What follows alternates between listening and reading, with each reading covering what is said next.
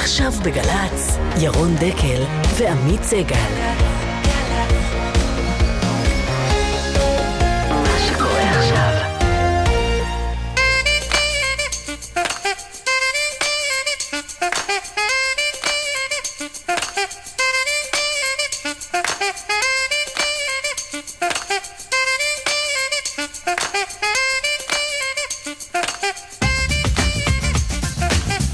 בוקר טוב עמית. בוקר טוב ירון.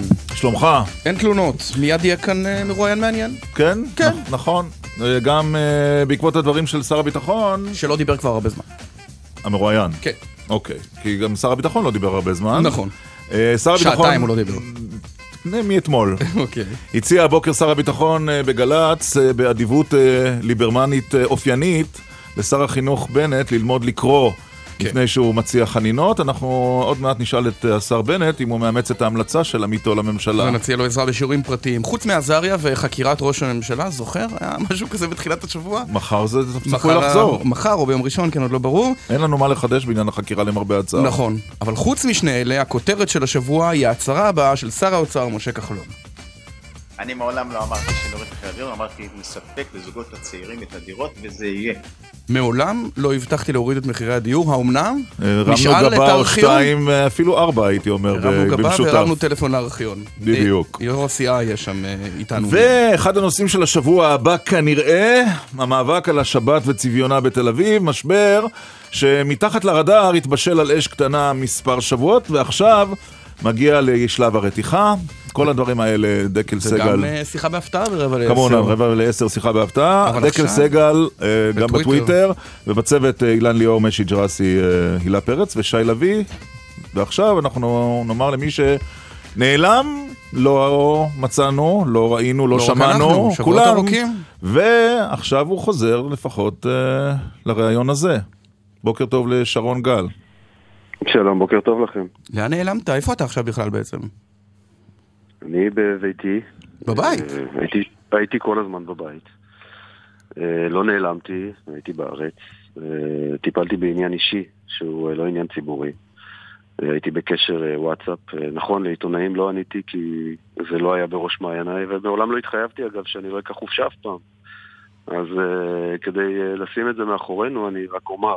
מהמם. אה, לקחתי חופשה לאחר הודעה אה, לערוץ 20, הארכתי אותה. אה, בזמן הזה הייתי עסוק בעניין אישי שהוא לא אמור לעניין את הציבור, אבל הוא ממש לא קשור לכל מה שראיתי בדיעבד שנכתב, באמת. לא פוצצו. אותך במכות, לא, אתה לא חייב היו- כספים לשוק האפור. היו הרבה מאוד ספקולציות לאן נעלמת. לא הימרת על כן. כספים, כן. לא כל הדברים האלה? לא, לא, לא הימרתי על כספים, ממש לא ענייני שוק אפור. אגב, מעולם לא היה לי שום עניין או עסק עם שוק אפור, אה, למעט אה, אה, קשר מסוים כשהייתי כתב לענייני משטרה ב-2006, והכרתי חלק מהאנשים שם, אבל אה, ממש לא. אה, לא.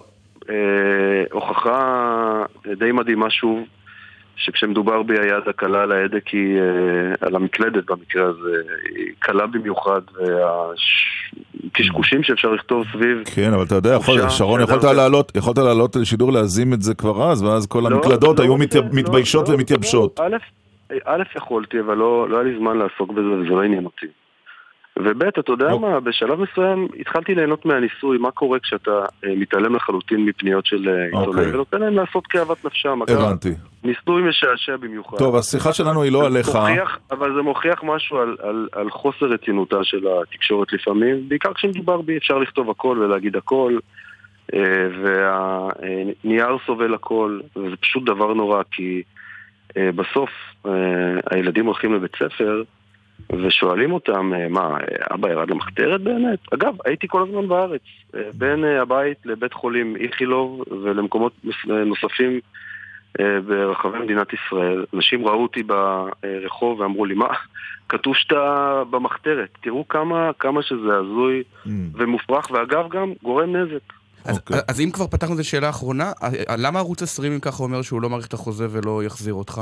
אם זאת אני חופשה בענייני שהוארכה? ערוץ- אני בענייני, בענייני ערוץ 20, אני לא, אה, לא רוצה לדון כאן אה, כרגע מעל גלי האתר, ואנחנו אוקיי, נסתדר. אנחנו נכבד את הבקשה הזו. אני רוצה, כיוון שלא התכנסנו כאן לחיים שכאלה, שרון גל, מהמם. אני רוצה שבכל זאת Mhm. נדבר על הכרעת הדין החד משמעית אתמול של בית הדין הצבאי בראשות אלוף משנה מאי אילר, אה, שהייתה פסיקה מאוד לא פשוטה, נוקבת. נוקבת, חד משמעית ובלתי מתפשרת. יש אצלך הבוקר איזה הרהור חרטה אולי על הקו, הרי אתה ליווית את המשפחה מיום ראשון, על הקו שבו נקטתם שלא הצליח, לא צלח את בית המשפט? ממש לא. אני חייב להגיד לכם ככה, כמה דברים. ראשית, אה, אני משתף אתכם בדיעבד שלא היו אה, ציפיות מההרכב הזה בראשות מאיה הלר מהדיון השני.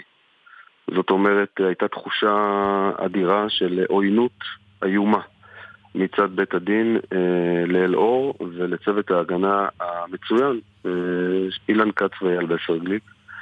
אה, באין ספור מקרים. מהמם. במהלך הדיונים אה, נשקלה אפשרות לבקש לפסול את השופטת טלר בשל העוינות שלה, בשל הציניות שלה, בשל העובדה שכל בקשת הגנה נדחתה כמעט, והייתה המון אמפתיה לתביעה מהרגע הראשון. והייתה תחושה שבית הדין אה, מאוד לא מסמפת את אלאור עזריה, ואמרנו אה, בינינו שברור לנו שמאיה הלר כבר ניסחה את אה, הכרעת הדין,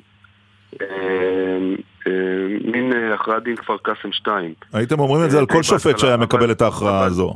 אבל, אבל, לא, לא, לא נכון, לא נכון. תקרא את הכרעת הדין. אני לא ראיתי הרבה שנים הכרעת דין כל כך חד צדדית, שמתעלמת לחלוטין מכל טענת הגנה, שמתעלמת לחלוטין מהעובדה שהיה מדובר בזירת פיגוע, שתולה את כל אה, אה, עוצמתה כביכול על עדויות שקר מתפתלות, אה, שינויי גרסאות, חדשות לבקרים, אני לא רוצה להזכיר שמות ו... דוגמאות של עדים ספציפיים, אני מניח שהדבר הזה ייעשה בערעור שיוגש. אוקיי, אבל תשמע, אבל- תאמינו שרון גל, אבל... שמבחינת הקו, רגע, משפט, מבחינת הקו שננקט. תראו, אני מהרגע הראשון התייצבתי לצד המשפחה בהתנדבות מלאה. אה, הרבה מאוד שעות. אני. הבטחתי להם שביום הראשון, שאני אדאג לגייס את כל מה שצריך לטובת ההגנה המשפטית. אף אחד לא התכוון לעשות כאן איזשהו מסע תקשורתי רחב. אבל היה כן צורך להגיב לעובדות ולמציאות. העובדה ששר ביטחון עלה על דוכן הכנסת אה, שעות או ימים אחרי רגע, האירוע. רגע, מי- מי- מיד נגיע לשר הביטחון, זה ברור, והטענות האלה נשמעו, אבל תשמע את הטענה שנשמעת מהרבה מאוד כיוונים מאז אתמול, גם מאנשים שהם תומכי אלאור עזריה, הם אומרים, אלמלא הקו המיליטנטי שאליו נגרר אלאור עזריה, על ידי אנשים כמו שרון גל, הוא יכול היה להגיד, חברים, אני מצטער, אני טעיתי." לא לעלות על בריקדות, ואולי הוא והמצב לא שלו היה... היה היה אחר. הוא כרגע, אולי בגללכם, הולך לשנים בכלא. אבל אתם יודעים שזה לא נכון, כי אף אחד לא נקט קו מיליטנטי. בטח אלא לא. איך היית קורא לקו הזה? לא מיליטנטי. תמיד, אגב, לא, ממש לא מיליטנטי. אנחנו בסך הכל, אה, מה שנעשה היה מיקוד בבית הדין. אני אני מזכיר לכם שהתראיינתי מעט מאוד פעמים בעניין של אלאור, אני גם דאגתי שהמשפחה תדבר כמה שפחות. המסרים תמיד היו מפויסים, תמיד הייתה אמפתיה והבאה לצד, ואני גם אומר את זה הבוקר, אני מזועזע עד עמקי נשמתי ממה שאני שומע על אה, רב אלוף גדי איזנקוט, והרמטכ"ל של כולנו, האיש הוא רב זכויות. אה, לוחם אה, דגול בכל רמ"ח חבריו. אני, אני פשוט מזועזע מהדברים שאני שומע, ואני רואה של קומץ באמת חסר משמעות, שלא צריך לזלזל בדברים האלה, כן, אבל הם ממש לא מייצגים. אבל אני לא את מצליח להבין, אבל אני. לא מצליח להבין. אם, אה, ראית מה- כתב, יהודה גליק כתב, אין יהודה גליק כתב לפני שהוא היה חבר כנסת, הוא ציטט את זה אין אתמול. שליטה על כל פרחח, עמית, אין שליטה על כל פרחח. לא. אני, עזוב, אין עזוב, זה מאה אחוז, אני מקבל, וברור, ואותם צריך לשפוט, והכל בסדר. השאלה היא אחרת, יהודה גליק העלה אתמול אה, אה, סטטוס שהוא פרסם ביום האירוע.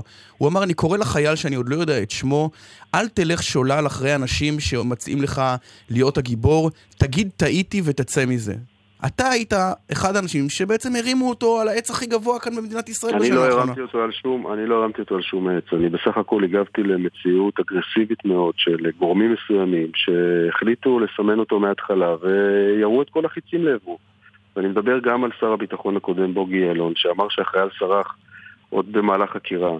ואני מזכיר לכם שהוא... זאת גם עמדת נחשד הרמטכ"ל ברצח- שכרגע דיברת נחשד- בשבחו. נחשד, נחשד, רגע אני אגיד לך משהו על הרמטכ"ל עוד שנייה בעניין הזה, ונחשד ברצח והובא באזיקים. תראו, הציבור הישראלי לא סובל, ולא צריך לסבול אה, אה, תמונה של לוחם בצה"ל. לוחם מצטיין אגב, שירה במחבל, ו, אה, אה, ולפי תחושתו הייתה סכנה, שמובל באזיקים ומואשם ברצח, או נחשד ברצח. זה דבר שצריך היה להגיב לו.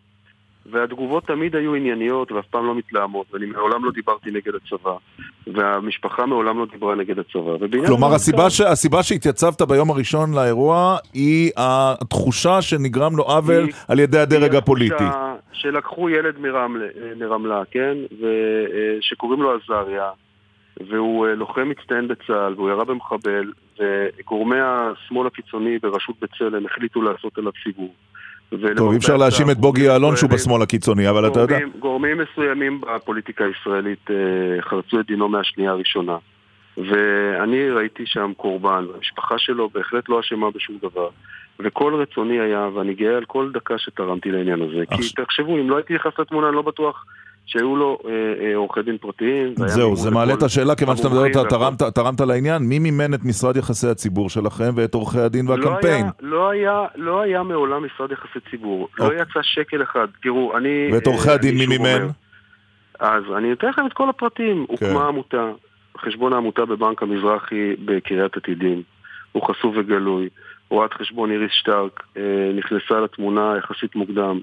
אה, העמותה הזאת, כל כספי התמיכה שהועברו מהדסטארט, אחרי עמלה שהדסטארט לקחו, הופקדו לחשבון. כל מה שיצא משם עד היום זה שכר טרחה לעורכי הדין, וזה אה, תשלום למומחים שהופיעו במשפט. אז מה גרם לך למשל, אז מה גרם לך למשל שנייה, להגיע שנייה, אתמול? שנייה עמית, שנייה עמית, שקל אחד, שקל אחד לא יצא מעבר לעורכי הדין ולמומחים. לא היה משרד יחסי ציבור, לא יהיה משרד יחסי ציבור, אלאור עזריה זה לא קוקה קולה.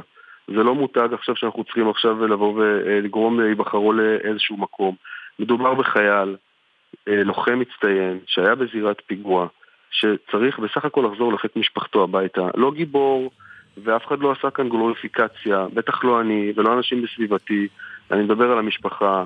כל האנשים שמדברים בשמו, וכל האנשים שכביכול מדברים בשם המשפחה, אין להם שום מנדט לעשות את זה. אף אחד לא רוצה לעשות פה איזשהו שיח תקשורתי יוצא דופן. התקשורת הרי לא צריכה אותו. אוקיי, עזוב, התקשורת, התקשורת, אתה יודע, בוא, היינו בתקשורת. 15-16 עמודים. אני חובב נלהב של עיסוק בתקשורת, אבל לדעתי באמת זה הגיע למקומות שכבר אי אפשר לשאת את זה. מה אתה חושב, לא, למשל, לא, עם כל הכבוד לתקשורת, על אביגדור ליברמן?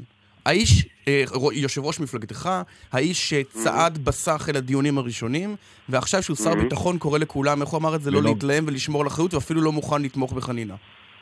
זה לא נכון. א', אני שמעתי את הדברים שהוא אמר מאתמול, הוא אמר שהוא לא אוהב את הכרעת הדין, בדיוק כמוני, גם אני לא אוהב את הכרעת הדין, וכמו 70% אה, בציבור הישראלי. ואני לא זוכר שר ביטחון שאומר על הכרעת דין בבית דין צבאי שהוא לא אוהב אותה, והוא צודק שהוא לא אוהב אותה.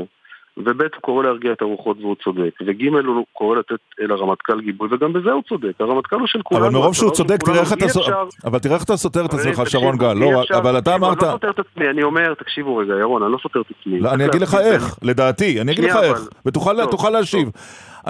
אתה מדבר על כך שאתה מאמץ את הקו של שר הביטחון, שבו הוא נוקט מאתמול.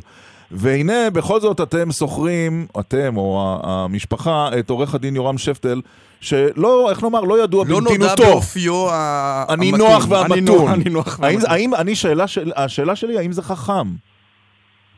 זה חכם, כן. אה, תקשיב, אנחנו פה מנה, עכשיו מנהלים עכשיו הליך משפטי. מנהלים הליך משפטי, תתעלם עכשיו מכל רעשי הרקע, מהתקשורת, מה אמר שר הביטחון וכולי. יש כאן עכשיו הליך משפטי. עומד כאן אה, עכשיו אה, לוחם בצה"ל, שאתמול הורשע בהריגה על לא עוול בכפו, בהכרעת דין חד צדדית מאין כמוה. אה, מעוותת לחלוטין. אני אמרתי אתמול שבית הדין הרים סכין, את הסכין של המחבל מהרצפה ותקע אותה בגבו של תגיד, זאת, וזאת לא הסתה? וזאת לא הסתה? וזאת לא הסתה? לא, זאת לא לא, זאת דעה. ראית מה הולך ברשתות על השופטת? מה זה לא... אני גם רוצה להוסיף... אז אה, סליחה, תנו לי רגע דבר דבר. אני גם רוצה להוסיף שלא רק תקע את הסכין בגבו של אלאור, גם סובב אותה. תקראו את הכרעת הדין, זאת לא הסתה, זאת לא קריאה לפגיעה באף אחד, צריך לקבל את ה... אמ, את המוסד המשפטי, את בית המשפט, את השופטים, את בית הדין והכול. אני חושב שהכרעת הדין מעוותת, וזאת תקיעת סכין. בגבו של. אז לא תהיה בקשה לחנינה? אז אתם הולכים לערעור ובקשה לחנינה לא תהיה? שנייה, אבל רגע, אבל זה חשוב. זה קצב אש. טוב, לא, לא התראיינת שלושה חודשים, אתה מבין את ה... כן. שאנחנו עולים על גדותינו כן, כאן. בסדר, אבל תנו לי רגע רק אה, אה, להסביר לכם, כשאתה אומר דבר כזה, אתה מבקר את הכרעת הדין, אתה ממש לא קורא לפגיעה חלילה באף אחד. אה, סכין בגב, עזוב, נו מה. סכין בגב, כן, סכין בגב. סכין בגב. מי מאיתנו לא חטף סכין בגב? כן. בסדר, נכון, זה, קורה, זה לא סכין, זה הדבר הכי אותנטי שאפשר היה להגיד אחרי הכרעת דין כל כך מעוותת. זה דבר ראשון. אה, אה, ודבר שני, אין פה שום סתירה.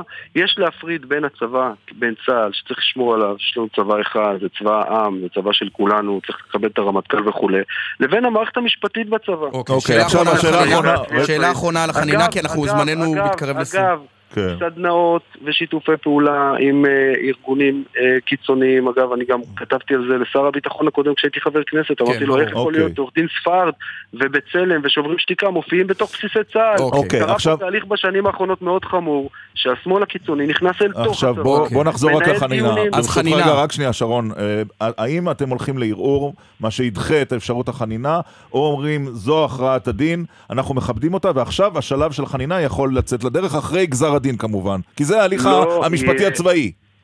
לא יהיה מנוס מלגשת לערעור. עורך דין יורם שפטל הוא אה, לדעתי אחד מעורכי הדין הטובים בישראל. אני מאוד מודה לו על כך שהוא נעתר לבקשתי והצטרף לצוות ההגנה, לאילן כץ ולאייל בסרגליק, שעשו עבודה מדהימה, אני חייב לומר לכם. העובדה שבית המשפט פשוט לא קיבל שום טיעון מטיעוני ההגנה זה לא כי הם לא עשו עבודה טובה, כי בית המשפט החליט להרשיע את אלאור בכל מחיר. אה, ושפטל הצטרף כדי אה, לתת עוד כוח, מוסיף כוח. לשניים המעולים שמייצגים את אלאור עד כה. הם כן. יעבדו שלושתם בשיתוף פעולה. אני חושב שכל אחד היה רוצה עורך דין כמו רם שפטל, אם הוא היה אה, נמצא במצב משפטי לא ג'ון פשוט דמיאניוק כמו- יוכל כמו לספר אלאור. על זה. טוב, אה, רק אתה- נזכיר- אתה- רק נזכיר- אגב, ועוד רבים אחרים. אתה כן. תחזור רק שנייה, שנייה, רק נזכיר כאן, צריך לומר שבית המשפט קבע שאלאור עזריה הוא שקרן. את זה צריך לומר באופן מפורש, אנחנו לא הזכרנו את זה קודם. שקרן, כך קרא לו בית המשפט. אה, צריך לדעת את זה, זה בית משפט דין צבאי. בסדר. בסדר. אוקיי, טוב, בסדר. אתה תחזור לטלוויזיה, תגיד. אני שוקל את אה, ענייניי האישיים בימים האלה, כולל המקצועיים, ונחיה ונראה. מה שלא יהיו העניינים האישיים שתיארת, נאחל לך בהצלחה. לך גם בריאות. תודה, שרון גל. אני, אני מודה לכם ואני מבטיח לכם דבר אחד, כן. אה, אלאור עזריה יזוכה בערכאה הבאה, שתהיה, אני מניח ומקווה, ערכאה זה הגיונית. שתראה את כל הדברים, אוקיי. את כל התמונה, ותיקח בחשבון שמדובר היה במחבל בזירת טוב. פיגוע, שאלאור ירה בו כי הוא היווה סכנה. שיהיה לכם יום טוב. תודה רבה, יום שרון גל. אה, עכשיו איתנו שר החינוך נפתלי בנט. בוקר שלום, טוב לך. בנט. בוקר טוב. אתה מאזין ליומני בוקר של תחנות רדיו צבאיות? משתדל אה, לנסות, לא תמיד זה ערב לאוזניים. הבוקר- אבל, הבוקר אה, הצלחת? הבוקר הצלחת? אז בוא, אז. שמעתי עכשיו בחצי שעה האחרונה. אז בוא תשמע את, מי, את מה שפספסו אולי קצת אחרים. הצמרת הפוליטית תתנהג באיפוק, זה יהיה, המלאכה תהיה הרבה יותר קלה. אני חושב ששר החינוך כדאי שידע לפחות לקרוא, וחוק פה הוא מאוד מאוד ברור. עד למתן גזר הדין אף אחד לא יכול לפנות. דבר שני, היחידים שרשאים לפנות זה נאשם עצמו, עורכי דינו ובני משפחתו ממדרגה ראשונה. זה החוק, הוא מאוד יבש, מאוד ברור. מערכת ביטחון כן. תעשה את שלה. אני אומר, כל הסיסמאות שכרגע אנחנו שומעים משר כזה או אחר, זה סיסמאות למען עצמם, לא למען אה, אלאור עזריה. הם לא דואגים לאלאור עזריה, הם דואגים לעצמם. תגובתך. אני לא בטוח שבנושא לוחמה בשדה הקרב הייתי לוקח שיעורים אה, מליברמן. אה, שמעתי שהוא שולח אותי ללמוד לקרוא, אני מציע שילמד לספור. למשל, עד 48 שעות אפשר אה, גם ללמוד לספור. אבל תראה, הסוגיה אתה פה היא, היא אתה עמוקה מתכוון, רגע, מאוד. רק כדי להבהיר למי שפספס את הפאנץ', אתה מתכוון לאותה הבטחה לחסל את אה, אסמאעיל הנייה תוך 48 שעות מרגע כניסתו למשרד הביטחון. תראה, אנחנו היום אה, בסוגיה שנוגעת לשורשים העמוקים ביותר של החברה הישראלית. כשאנחנו שולחים לוחם קרבי שמתנדב אה, להיות קרבי לשדה הקרב, ולא בבית קפה בתל אביב, אה, אלא בשדה הקרב במקום מאוד מאוד מסוכן. והוא מגן עלינו בעיצומה של אינתיפאדה מהרצחניות שהיו, שאנשים מסתובבים ברחוב ומכים עם גיטרה במחבלים ומסתכלים אחורנית. והוא עושה שגיאה וגם שגיאה קשה. האם אנחנו כמדינת ישראל נותנים לו גיבוי? וגיבוי נותנים לא כשקל, אלא כשקשה, וזה מקרה קשה. אה, בשונה ממה שנאמר, בהחלט יש סמכות אה, לנשיא המדינה להעניק חנינה בכל נקודת זמן. אני אזכיר למאזינים. אבל בלי הרמטכ"ל זה לא יעבוד, השר בנט. בפרשת, תן, אתה טועה. אה, אוקיי. לא טועה, אלא אני אחדד את זה. בפרשת קו 300, עוד בטרם משפט... שראש השב"כ אה, עמד אה, לדין. אתה משווה את אלאור עזר לראש. השב"כ. זה בדיוק הנקודה. אם לקצין בכיר אפשר לדאוג לחנינה, אז גם לחייל הפשוט צריך. בדיוק שאלת את השאלה הנכונה. והמבחן שלנו, האם אנחנו יודעים להגן על אלאור עזריה כמו שידענו להגן על ראש שב"כ. אני, אני מודה שאני לא כך מצליח להבין, המודל לחיקוי שלנו זאת אותה פרשה של שקר, טיוח ועלילת שווא על אה, קצינים בכירים בצבא, כמו למשל איציק מרדכי? מה, זה, זה המודל שלך לחיקוי? אני לא מצליח להבין. אה. נפתלי בנט, אם היית מפקד, אני, אני, ואגב, אני מבקש אישור קודם, כי גם אני לא הייתי ביחידה קרבית, אז אתה מרשה לי לשאול את השאלה, או שהדיון מותר רק לאנשים שהיו ביחידה קרבית? לך על זה, עמית. תודה אתה רבה. קרבי מאוד. אז בתור כן. סמל ראשון במילואים, שאחז מיקרופון בידו, אני אשאל אותך. אפשר לדאוג על אתה, הדרגה. אם נפתלי בנט היה מפקד של החייל אלאור עזריה, הוא היה נותן לו סטירת לחי מצלצלת, שולח אותו למחבוש במשפט צבאי, אני טועה? אבל זה בדיוק העניין. זה בדיוק מה שלא נעשה. היה צריך בדיוק לעשות את מה שאתה אמרת. לעשות תחקיר צבאי אמיתי, בנוכחות אלאור עזריה. במקרה הזה התחקיר הצבאי לא נעשה בנוכחות הלוחם עצמו. אתה ידעת את זה? ידעתם שהתחקיר המבצעי הראשון לא נעשה בנוכחותו. אתם בוודאי יודעים שכבר באותו יום, שעות אחרי האירוע, כל הדרג המדיני חרץ את אה, גורלו של אלאור עוד בטרם פתיחת חקירת מצ"ח. אתם בטח גם יודעים שהתחקיר המבצעי הודלף בזמן חקירת מצ"ח, שזאת גם מזהם בצורה חמורה מאוד את כל ההליך, וזה גם עבירה על חוק השיפוט הצבאי. מה, שהיית, מה שהייתי עושה זה בדיוק מה שאתה אמרת. תחקיר צבאי, אולי כמה ימי מחבוש, גיבור הוא לא, אבל גם להיכנס לכלא הוא לא... קודם כל. השר בנט, חושב- לפי מה שאנחנו יודעים, עזריה נכח בתחקיר שנעשה, זה דבר אחד. ודבר שני, לא, אז אתה טועה. אוקיי, אז אתה במאה אחוז, אני. טעיתי גם בעניין, ובלי רמטכ"ל לא ניתן יהיה, ואני אומר את זה שוב, אפשר יהיה לשאול גם את אה, לשכת נשיא המדינה, בלי המלצה של רמטכ"ל, או, שההליך של חייל עובר דרך רמטכ"ל, הנשיא לא יוכל. או לא יוצא לדון בזה, לכן הרמטכ"ל הוא קריטי. בבקשה. אוקיי, אבל מי- אני... אני... אחראי על מערכת... שנייה, אני אעשה סדר. בוא, בוא, מה... ואני רציתי אבל לשאול אותך עוד דבר אחד, אה, השר שנייה, בנט. תראה, בוא, בוא, אתה שאלת שאלה, אני אענה. כן. שר הביטחון אחראי על מערכת הביטחון. קח אחריות, רד מהטריבונה, תביא את מה שצריך, תתאם מול המשפחה, ואם בקו 300 היה אפשר לתת חנינה עוד בטרם משפט, אז עם כל הכבוד, גם לחייל הפשוט אלאור עזריה אפשר לתת חנינה בטרם אה, גזר דין. אבל אתה לא מזהה, אתה לא מזהה שבעצם הכרעת הדין, השר בנט, היא גם כתב, סוג של כתב אישום, לא רק לחייל, אלא גם להגנה, לקמפיין, לכל הפוליטיקאים שתמכו וממשיכים לתמוך בו. והאם אתה לא מזהה איזשהו קו בין האמירות שנאמרות על ידי פוליטיקאים, אה, אתה ביניהם, לבין הקריאות שבסופו של דבר אנחנו שומעים מחוץ לקריה, גדי גדי ייזהר, רבין מחפש חבר. שמע, מה שאתה עושה עכשיו זה כל כך טיפוסי, והסיבה שאתם כל כך מנותקים. נו. אתה מנסה לייצר זהות, ירון, בין מי שסבור שלאלאור אה, מגיעה חנינה לבין לה פמיליה. לה פמיליה זה חבורת פושעים שצועקים, זרוק אותם לכלא, טפל בהם, מישהו אוקיי. עוצר אותך. אבל אין קשר בין זה. אתה לא תעשה את זה, ומה שאתה מנסה לעשות הוא... אני לא מנסה לעשות, ולא אני שואל. אותך. עשית את זה כרגע, אתה עשית, עכשיו אתה מנסה לסגת מזה. בדיוק ניסית לומר... לסגת תחת אש. שאני, בדיוק מה שעכשיו אמרת, ניסית לומר שכל מי שסבור שלאור עזריה מגיעה לו חנ- חנינה ולטובת מדינת ישראל צריך לחון אותו, הוא כאילו... לא, מי שמסית. נגד בית הדין הצבאי. בסדר, אני מכבד את בית הדין הצבאי. אני מכבד את בית הדין הצבאי, הוא אמר את דברו, אבל כלי החנינה הוא כלי שנמצא ב- בחוק. כן, הוא אבל- לא שם אבל-. אבל השאלה היא, נפתלי בנט. אבל השאלה היא מה הסמכות, אבל רגע, מה הסמכות של שר החינוך ושל חברת הכנסת מהעבודה, יחימוביץ', ושל ראש הממשלה, לדבר, להתערב בכלל בנשק החנינות? זה הרי לא, זה לא דיון פוליטי, מה... ישאל הצופה מהצד, מי- מה עניינכם בכלל? אתה טועה לגמרי. אוקיי. כלי החנינה הוא כלי של מדיניות, הוא כלי של אמירה, ואנחנו בסיטואציה מאוד יוצאת דופן, ובסיטואציה יוצאת דופן צריך לה- להפעיל כלי יוצא דופן שנקרא חנינה, אבל הוא קיים בחוק בדיוק לסיטואציה הזאת. אני מכבד את בית דין, בית הדין. אני גם רוצה לומר פה בצורה שלא משתמעת לשתי פנים. תראה, אני שומע אמירות, אם אלאור עזריה אה, יורשע, אני לא מתגייס לצה"ל, וקריאות נגד הרמטכ"ל. אנחנו סומכים על הרמטכ"ל שלנו, הוא רמטכ"ל מצוין, הוא מפקד מצוין לצבא הגנה לישראל. אנחנו סומכים על צה"ל. ההתגייסות לצה"ל, אף אחד לא עושה טובה. אנחנו מחויבים, וזו זכות גדולה, ואנחנו מאמינים בצבא הגנה לישראל. מה שעכשיו... וגם בבתי הדין שלו? לעשות... אני אמרתי, אני מכבד את בית הדין, okay. הוא אוקיי. אמר את דברו, ועכשיו זה עובר לשדה okay. של אוקיי. החנינה. ואתה מודאג ממה שקורה ברשתות כלפי השופטת, אה, האלוף משנה מאיה אלר? זה מטריד אותך? בוודאי, אסור לקבל שום okay. אה, אוקיי. צורה של הסתה, אבל גם לא בשם האמירות האלה להשתיק קריאה סופר לגיטימית ויותר מלגיטימית, הייתי אומר הכרחית.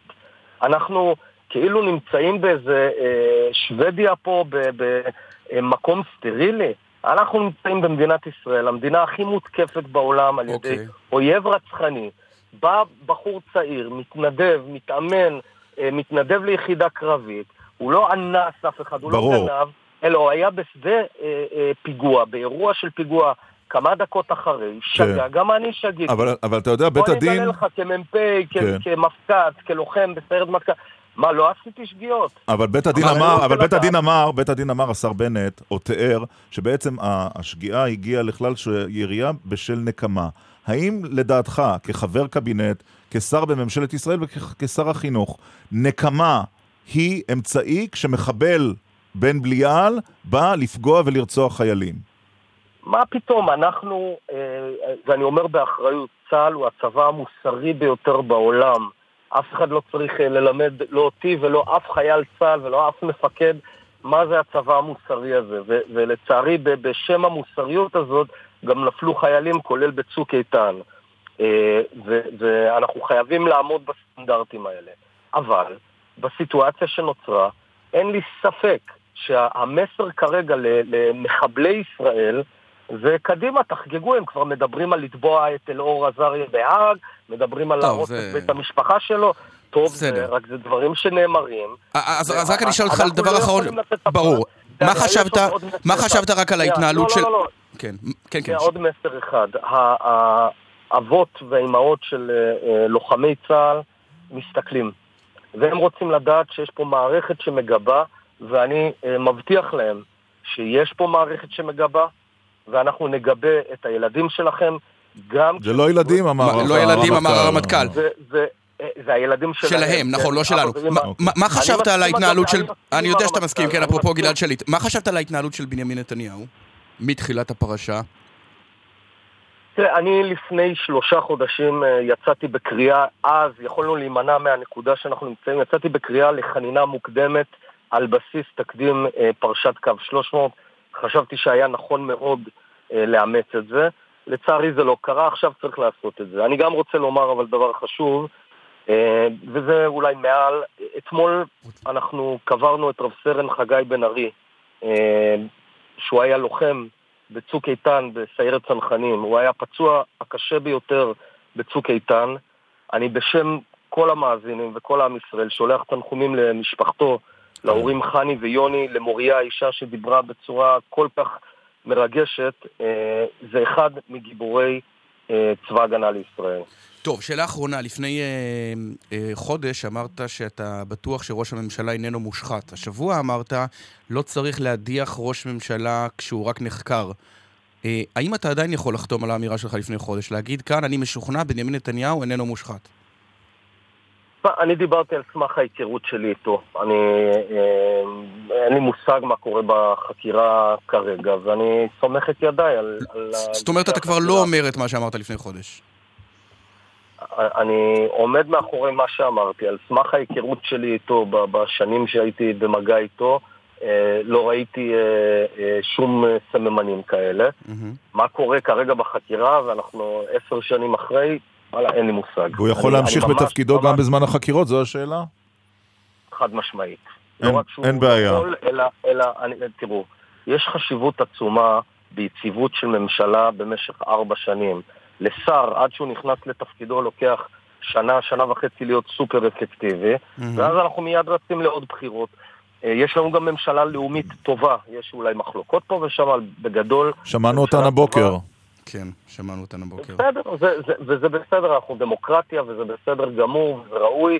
אה, אנחנו לא אה, אחידים, אנחנו מאוחדים. אה, אבל בעיקר בעיקר אני חושב שלאזרחי ישראל מגיעה ממשלה יציבה, זה בטח ובטח על סמך פתיחת חקירה ונסכ- לא מדיחים ראש ונסכם ממשלה. את הבוקר הזה בגלי צה"ל, שר הביטחון חושב שאתה לא יודע לקרוא ואתה חושב שהוא לא יודע לספור עד 48. סיכום הולם? שיהיה לכם יום טוב. גם תודה. לך. תודה רבה. שר החינוך. נפתלי בנט. תודה רבה. רק לפני התשדירים נבהיר דבר אחד, אמרנו את זה גם בריאיון, הליך חנינה הוא הליך עם מה שהוא קורא בין גזר הדין נכון. לבין אה, חנינה של הנשיא, ובכל מקרה יש כמה אה, רשויות בדרך, בדרך, אגב, שר הביטחון אחת מהם, וראש המטה הכללי, רב אלוף גדי איזנקוט, כן. שלא נכנע עד כה לפופוליזם, כמו שאנחנו רואים, הוא תחנה הכרחית בדרך לחנינה, ולא בטוח שהוא תחנה שתאשר אותה. מיד חוזרים. עכשיו בגל"צ, ירון דקל ועמית סגל. עכשיו אה, עמית אה, מצטרפת אלינו כתבת- כתבתנו לענייני משפט אה, דור מימון. עם אה, הכותרת הכי מרעישה... סתם, לא לא. באמת. לא, כי... כבר אי אפשר לדעת כשאתה אומר הכותרת. לא, אני חייב להגיד- אני נכנס לכוננות. כי כשאומרים, כשאנחנו פותחים במילים היועץ המשפטי לממשלה איך להגיש כתב אישום, אז ישר כולם אומרים, מה, ביבי? כבר? לא, לא ביבי. אז בוקר טוב, שלום דור מימון. עדיין לא, עדיין לא, בוקר טוב, או אולי בכלל לא, אבל אה, טוב, אז אה, היועץ המשפטי לממשלה החליט להגיש אה, כתב אישום נגד חבר הכנסת באסל גטאס. עכשיו, אה, היום אה, בדיוק אמורה להיות אה, הארכת המעצר שלו בצהריים. לא יוגש כתב אישום היום בגלל שהיועץ, זאת אומרת, צריך לעבור עוד איזושהי פרוצדורה בכנסת. של אישורים בכנסת. בוודאי, של כן, הסרת ה... בדיוק. של לתת לו אפשרות לנסות ולבקש את שמירה על חסינותו, אבל הוא כמובן לא יבקש כי זה ייגמר פה אחד. בכלל מלכתחילה לא. כן, וגם אה, אה, אנחנו זוכרים שהיועץ אה, בשבוע שעבר ביקש להסיר את החסינות שלו, אז זה כבר היה בדרך לשם להגשת כתב אישום. אז אנחנו זוכרים שהוא נעצר בחשד להברחת טלפונים סלולריים, וגם היה תיעודים לכך. ואנחנו נחכה לראות מה האישומים, אנחנו בדיוק ממתינים לקבל את כתב האישום מהיועץ המשפטי לממשלה או מעורכי דינו, אנחנו יודעים שכתב האישום כבר הוגש לכנסת, זאת אומרת זה כתב אישום מוכן, זה לא נכון, רק, לא רק נכון. החלטה. זה לא טיוטה, זה כתב האישום. עצמו. ואגב, הוא לא מבצע שימוע, והוא- והוא והוא גם לא מציע שימוע לחבר הכנסת גטאס, מה שבדרך כלל לא נהוג שזה מגיע לאישי ציבור, דבר די מעניין. לפחות לא כרגע, אבל כבר אנחנו ראינו אגב בדיון הקודם, כשרז נזרי, משנה ליועץ המשפטי לממשלה, הגיע לבקש את חסינותו של גטאס, שזה הלך ממש לכיוון מסוים, שכבר יש חשדות והחשדות הם מוצקים, ולכן אה, ככל הנראה אה, זה ממש הולך לכיוון הזה, ובלי יותר מדי אפשרות, אה, אפשרויות לערעור או לשימועים, אבל תכף אנחנו נקבל הודעה רשמית מהיועץ המשפטי לממשלה, ואנחנו... ואז נשמח אה, לשמוע- באילו- אישומים. הוא- יואשם, חבר הכנסת גטאס. אולי גם פה היועץ המשפטי לממשלה יודע במה הוא חקר את גטאס וגילה שאין כלום. כי לא היה כלום. לא, זה- את זה לא- את זה הוא לא יגלה. אוקיי, אה, תודה רבה דור מימון, רק צריך להגיד ירון, שכרגע גם נפתח מסלול ההדחה, כי יש עתיד הודיע שאם יוגש כתב אישום, היא. תתמוך בחוק ההדחה. לראשונה, לראשונה. מה שמעלה את מספר הח"כים ל-77 צריך- שתומכים, צריך עוד 13, זה מס- זה לא וזה- פשוט. זה לא 13. פשוט, אבל זה קרב, זה קרב. זה קרב. כי מה למשל מי יעשה איציק שמוביל שמולי? את זה זה השר אלקין, נכון? נכון. זאת אומרת כן. שהוא צריך בערך 10-12 קולות מהמחנה הציוני. זה, זה, זה רחוק, אבל זה לא פחות רחוק. בלתי אפשרי. אם. יש 77. אה, טוב, שאלות, אה, ציוצים אה, דקל סגל. כן, קדימה. אה, כשלליברמן עדיין היה פתיל קצר והגיע למשפט, למשפט, בנט כבר יכול היה לקחת נשימה עמוקה ולומר שהחייל אה, גיבור. אה, היה פה משהו, האחד לא יודע, סיכום הממשלה כותב אורו רקוק, לא יודע, האחד לא יודע לקרוא, השני לא יודע לספור, ההוא לא יודע לשאול, ואחד לא יודע כלום כי לא היה כלום. אה, מישהו מאיר את עיניי שבפרשת קו 300 הייתה חנינה רק לאחר שהם הביעו חרטה. נכון, אה, זה לא המקרה נכון. כאן. אה, נכון. זה נכון, הם הביעו חרטה, ואז אה, הנשיא הרצוג המנוח אה, נתן חנינה.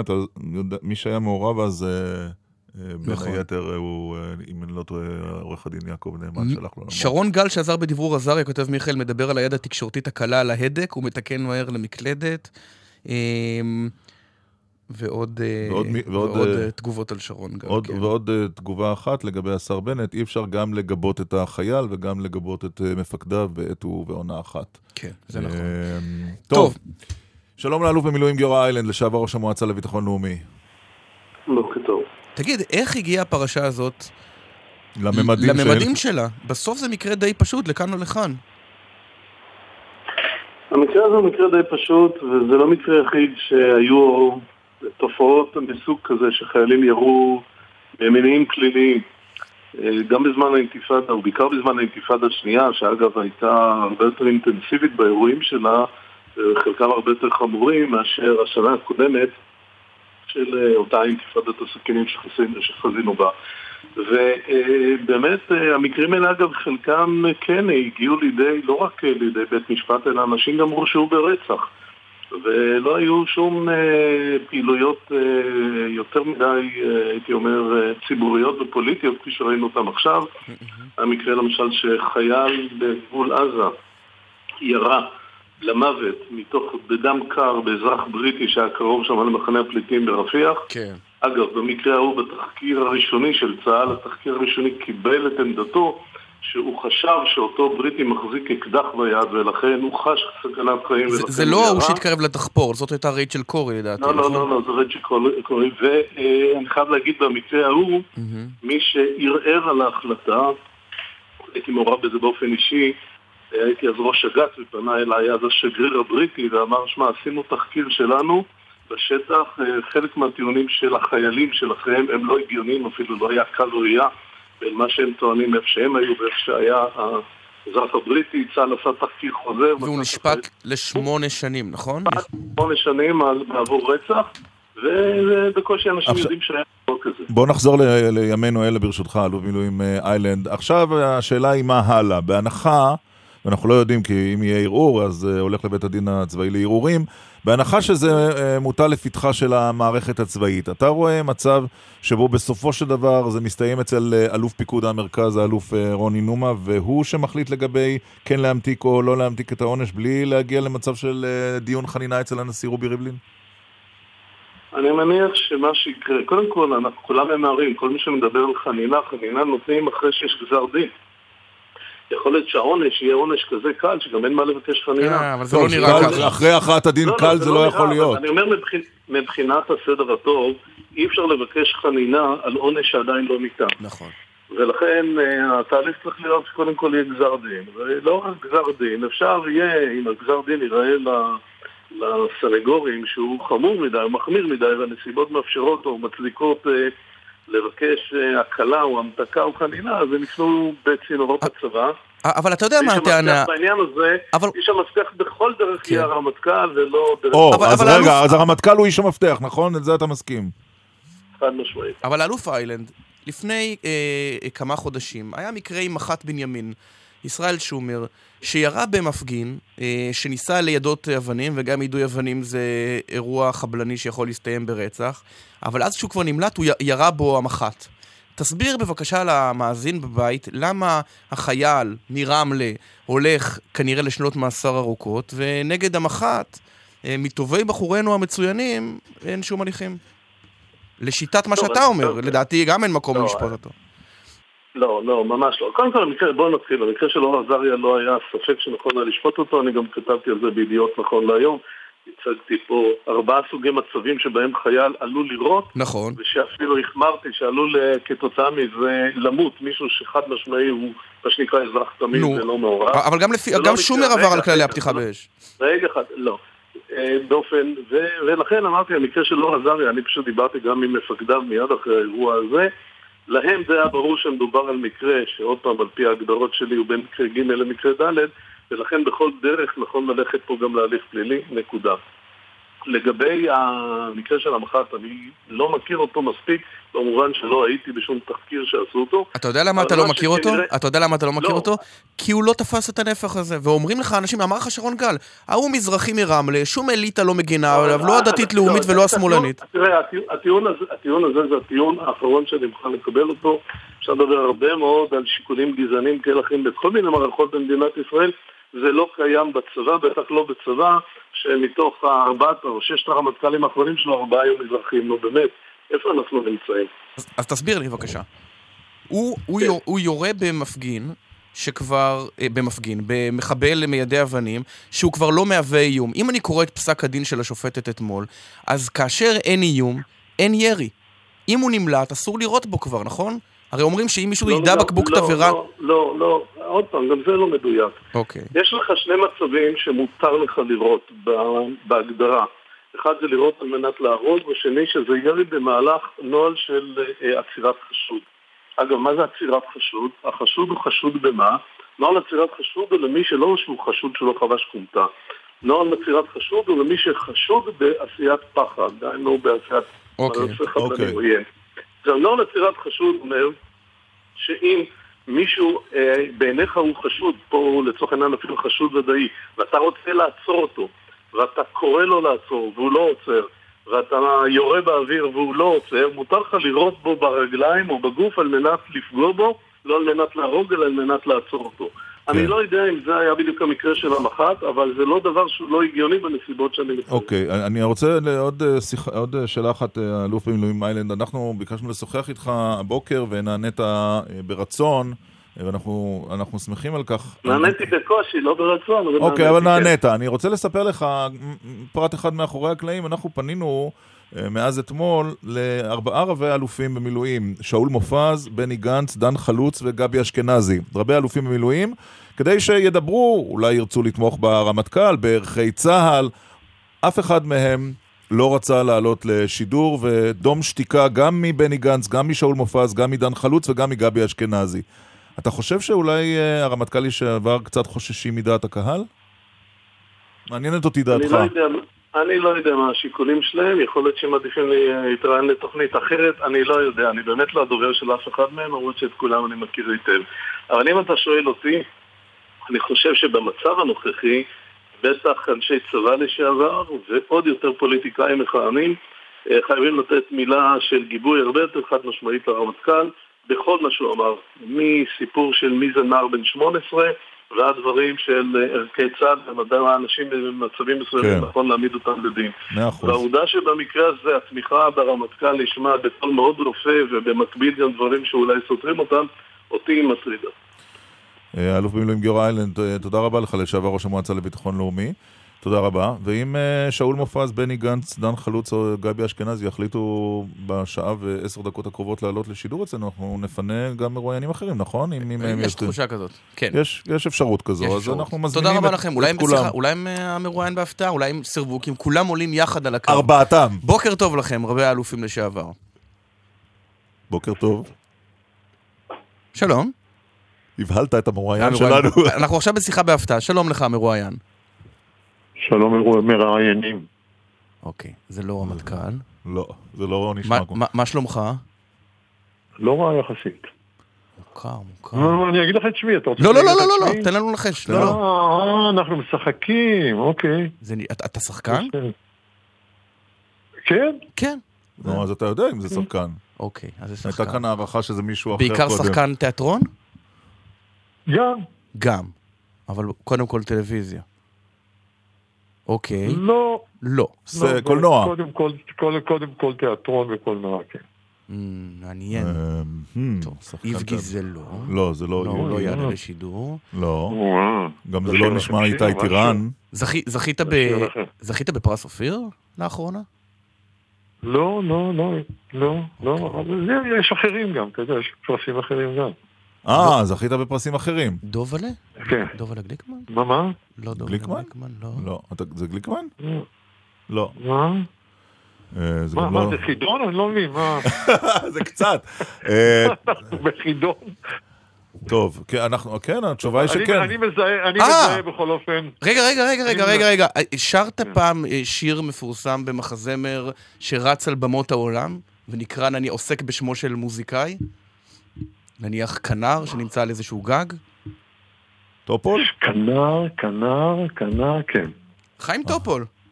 כן, כן. טוב, בוקר טוב. וואו. יפה, כל הכבוד. כי פשוט תשמע, הקול שלך נשמע כל כך צעיר, זה... זהו. יחסית אני זה מישהו בן מתנצל, אה, אני 40, מתנצל. בעוד שאתה בן אני 52. יודע. לא, לא, אני 81. 81. וואו, מה שלומך, טופול? לא רע יחסית. מה מעשיך בימים אלה? עובד, עובד קשה. איפה? איך? עובד ואיך? קשה, אה, גם, ב, גם במקצוע שלי וגם בעיקר בכפר נהר הירדן. מה זה?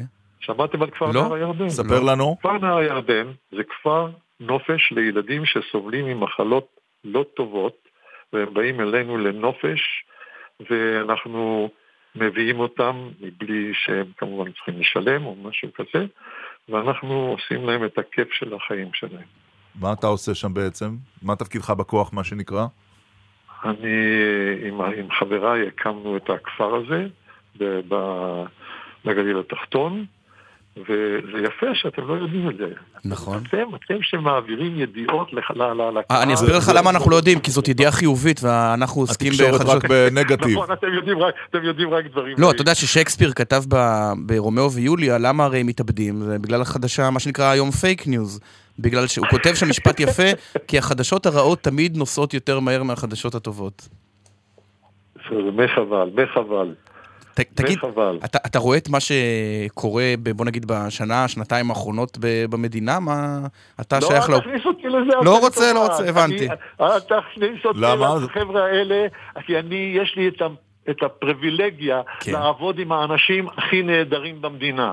אוקיי. יש לי... ואתה לא מוטרד לנו... אבל כאזרח המדינה, כיוצר, לא, לא, לא, כזמר, לא, כשחקן? אני לא, אני, לא, אני לא מוטרד כי אני עובד עם אנשים מצוינים, עם, עם, עם, עם אה, אנשים ש, ש, שבאים ו, ו, ומתנדבים, ומתוך 120 איש שעובדים כל יום בכפר, אבל אני לא... אנחנו, אנחנו משלמים רק 20 משכורות. והילדים שמגיעים אלינו הם ילדים מקסימים, ודרך אגב זה ילדים מכל, ה... מכל המגזרים, uh-huh.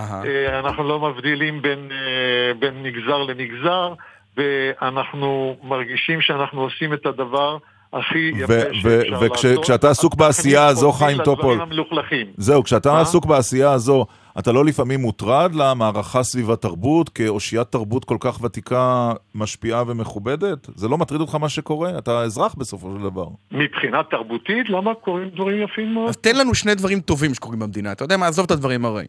מה שני הדברים הכי טובים שאתה רואה בישראל היום, שלא היו נניח לפני 30, 40, 50 שנה? מי אומר שזה לא היה? הייתי, הייתי במוצאי שבת בפילהרמונית וישבתי וליקקתי את האצבעות, אחד הקונצרטים המקסימים שהיו לי, שעברתי בחיי. אה, וגם בתיאטרון, בתיאטראות שלנו אנחנו עושים עבודה, זאת אומרת, הקולגים שלי עושים עבודה יפים, יפה, יפות, יפה כן. מאוד, ובאמת, ומבחינה זאת, אה, אנחנו לא יכולים להתלונן. תגיד, כשאתה מסתובב ברחוב, בעולם או בארץ, עוצרים אותך כן. עדיין אנשים אומרים, אנחנו זוכרים אותך מכנר על הגג? ברור. כן, זוכרים, אל, אל, אל, אל, אל תזלזל בסאלח. נכון, נכון, וואלה. יש גם, יש גם כאלה שזוכרים אותי מסאלח. מה אתה אומר? כן. היית חבר של גנדי גם, נכון? היית חבר של, של רחבעם זאבי גנדי? גם, כן. והמערכה סביב... סביב אה, אמר... כשהיינו מתחרים, כשהיינו מתחרים בלהקת פיקוד המרכז. והמערכה סביב אה, סוגיית ההנצחה שלו, שמנהלים ותיקי הפלמ"ח אה, נגד כן, הנצחתו. זאת אומרת, אתה מוכרח להכניס אותי לעניינים לא, לשאול את דעתך, אני לא מכניס אותך בכלל. בטח יש לך דעה כמי שהיה חבר של גנדי. אני לא רק חבר, אני אהבתי אותו מאוד, ואני הערכתי אותו מאוד. ואני מצטער שיש אה, כל מיני דיבורים אחרים. הצטערת גם על התחקיר של עובדה אצל אילנה דיין, אני מניח. לא ראיתי. לא ראית? כי לא רצית, לא. אני מניח שלא לא, רצית. לא, לא, לא, לא ראיתי. לא ראיתי. יצא לך לעבוד עם... אתה ראית? אתה ראית? אנחנו כן, אנחנו ראינו וגם עסקנו בזה, כן, בהחלט. כן. תגיד, כשאתה צופה ב... בוא נגיד ב... איך נגיד את זה? מה אתה רוצה, בטלוויזיה של היום? לא בטלוויזיה של היום, אבל אתה יודע, האופי הרי של, של הדברים השתנה. אנשים יותר uh, רואים uh, צפיית בינג', רואים uh, סדרות, בזה אחר זה אחר זה, חייבים לא, יותר עולם כסף, הריאליטי, עולם הריאליטי. אני, אני, אני לא כל כך צופה בטל, בטלוויזיה. למה לא? ו- ולא רק בדיין, אלא, אלא אני לא, לא צופה בטלוויזיה. אני, אני מעדיף לקרוא מחזה, אני מעדיף לקרוא ספר טוב, אני מעדיף לקרוא או לראות או, או לכתוב. אני עכשיו כותב גם uh, מחזה וגומר לכתוב תסריט שהזמינו אה, כן? אותי. אז יש לי, כן, ברוך השם, יש לי uh, uh, עבודה שאני נהנה. ממנה, וזה מה שאני מסתדר. ואנחנו נאחל לך בריאות, חיים טופול. הרבה בריאות לכם, ושיהיה לכם... ונסיים עם, אה, איתך, לו- נסיים איתך. ותספרו גם דברים טובים. אנחנו נעשה מאמץ. לו הייתי רוטשילד לכבודך, חיים טופול, בשיחה בהפתעה. תודה רבה לך. להתראות. תודה רבה לכם. ואנחנו חותמים כאן שעה ראשונה של דקל סגל, מחירי הדיור בשעה הבאה. השיר הזה מתאים גם למחירי הדיור, לא לדעתי. הייתי ששיר, אוי, אז הייתי נח קצת. יא ודי ודי ודי ודי ודי ודי ודם. כל היום הייתי ודי בם, היידו דידו דיידו איש השיר.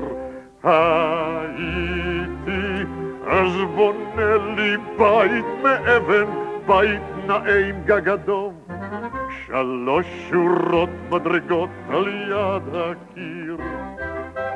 ובאחת רק עולים, בשנייה רק יורדים, השלישית לא תוביל לשום מקום. רק שידעו שזה ביתו של גביר. והחצר תהיה מלאה אפרוחים כולה, ברווזים ואווזים. שיקימו רעש בכל הדיר. וכל הקבע והקביא והקביא והקבע והריקו יישמעו למרחקים. ויבשרו כאן כבר נששים. בחסות רשת מלונות פרימה, המציעה לכם כל מלון עם רעיון אחר. לפרטים חייגו כוכבי 9995 או גילשו פרימה co.il. בחסות הולנדיה, המביאה עליכם את כרית טמפוש עם מזרן לצוואר. להתנסות, היכנסו לסניפי הולנדיה. אתם מאזינים לגל"צ.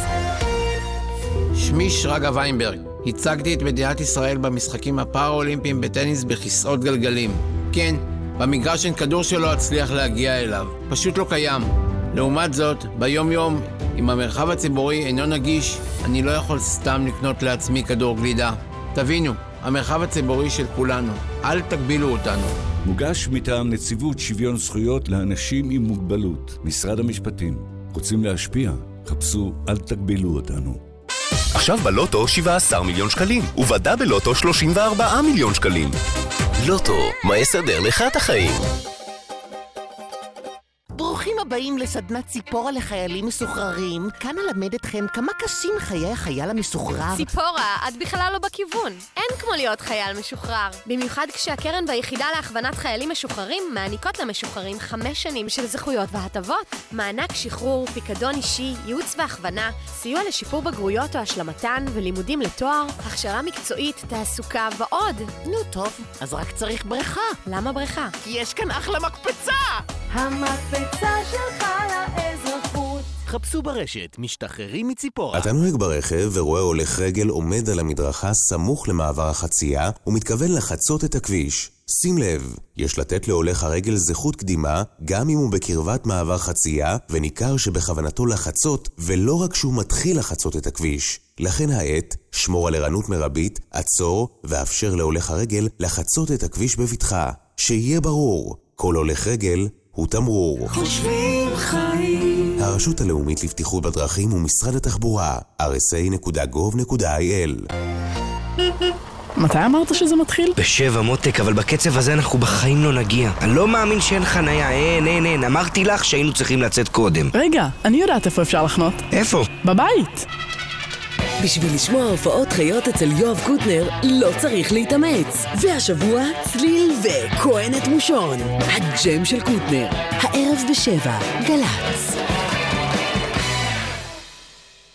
מיד אחרי החדשות, ירון דקל ועמית סגל.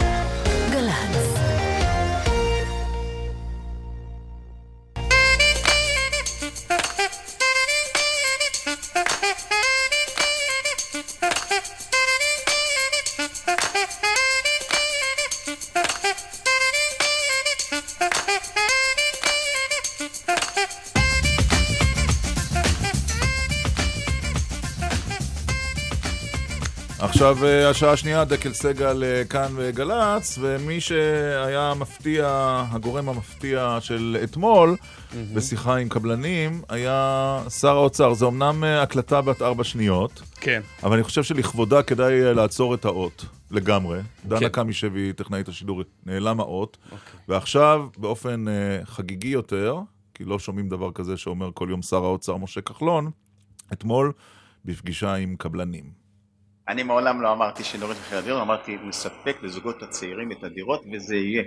אני מעולם לא אמרתי שנוריד את מחירי הדיור, אומר האומנם? אה, שר האוצר. חזרנו לאוגוסט 2016, רק אה, חמישה כן. חודשים לאחור. הנה השר כחלון. מחירי הדירות בסוף בתהליך הם ירדו. אין דבר שלא יורד, גם מעלית מגיעה בסוף יורדת. הבועה הזאת תתפוצץ, לא חסרות דירות. בוקר טוב ליושב ראש סיעת כולנו, רועי פולקמן. בוקר טוב עמית, בוקר טוב ירון. הייתי אומר הילד של כולנו ברוח שבוע זו, אבל...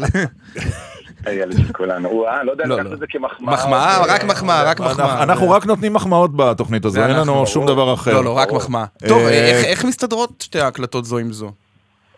אתם יודעים חברים, זה, זה, אני מבין את העיסוק התקשורתי, אבל אני מרגיש כמו במשחק כדורגל, שהחלוץ כחלון, כל חמש דקות עוצרים אותו, אומרים לו, תגיד, אה, אה, החלוץ, אתה מוטרד מה, מהתוצאה? עכשיו עדיין 0-0, אתה מוטרד מהתוצאה?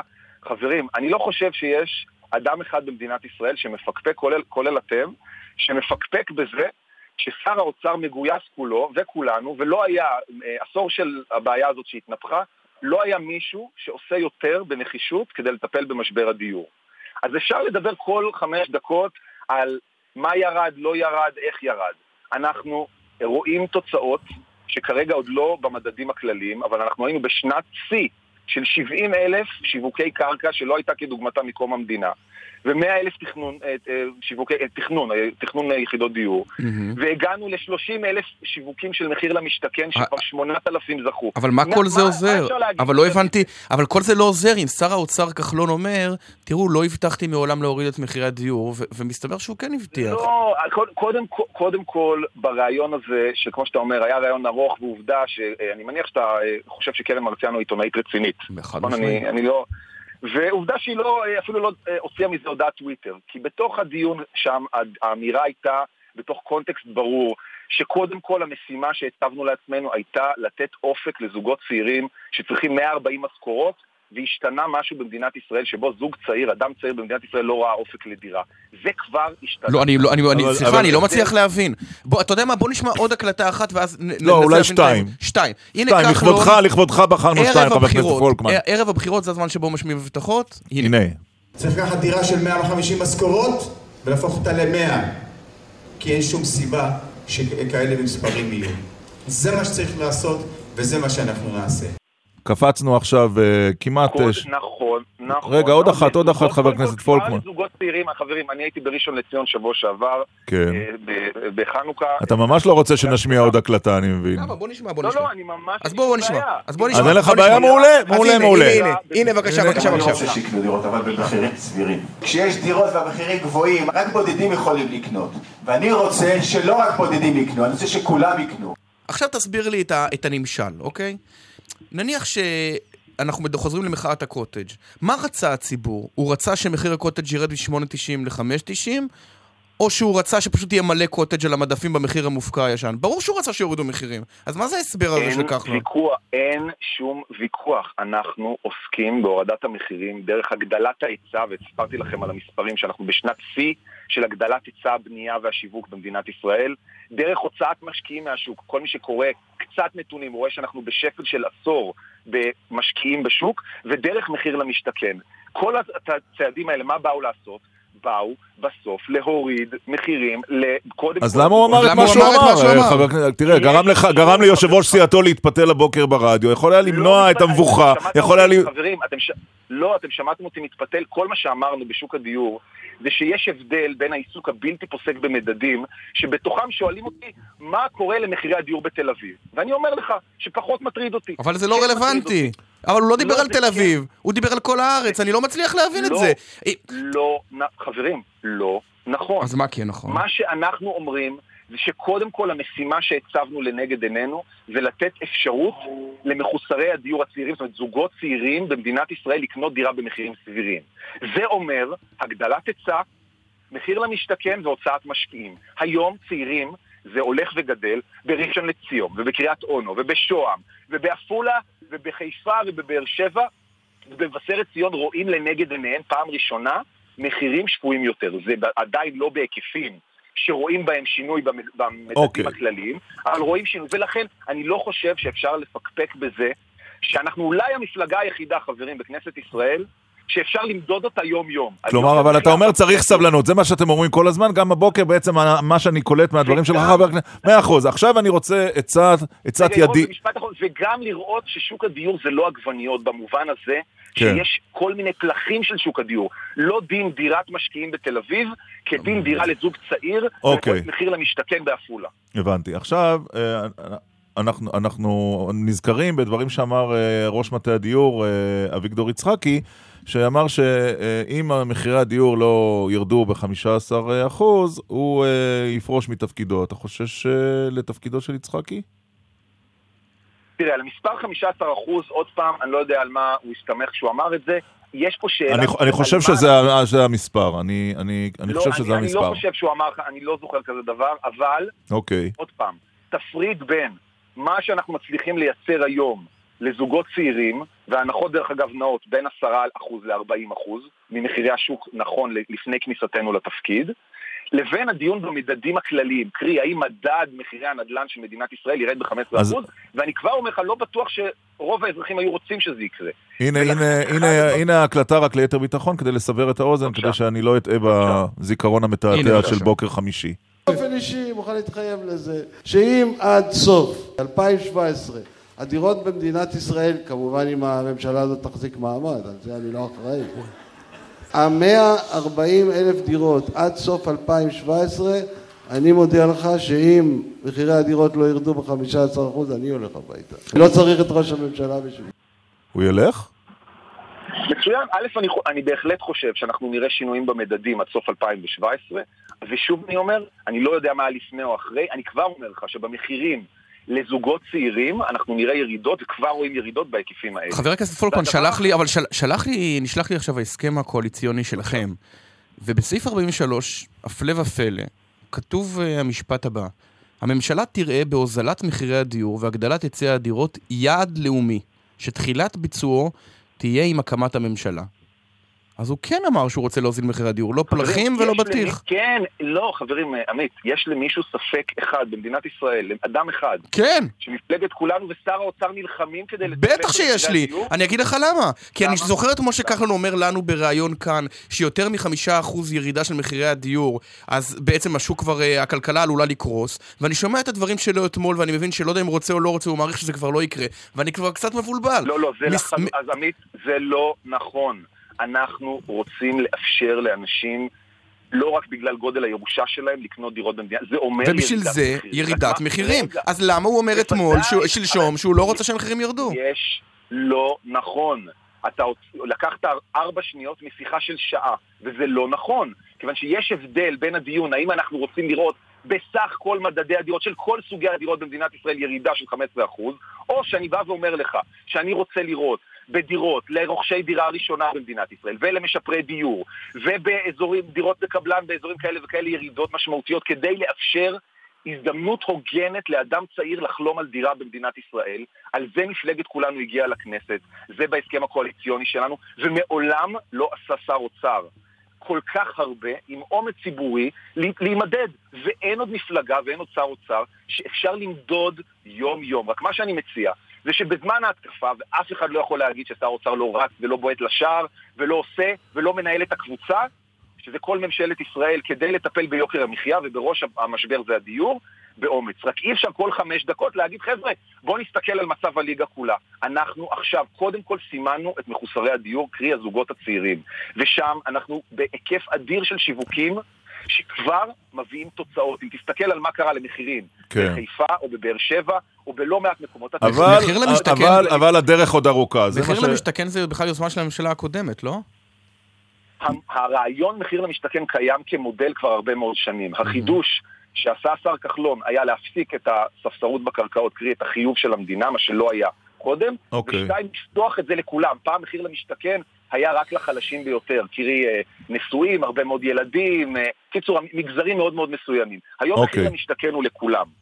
ולכן טוב. אני אומר, אה, דבר אחד שאי אפשר ל- ל- לערער עליו, זה המחויבות של השר כחלון לתת פתרון לדיור. אוקיי. יש כאן דיון על מה, כשאתם אומרים מחירי הדיור, האם אנחנו מסתכלים על כל הזמן... על ה- כל האם? מסתכלים על מה שנקרא על השורה התחתונה של כל הארץ, או מסתכלים עפולה, או זוגות צעירים, במקומות או.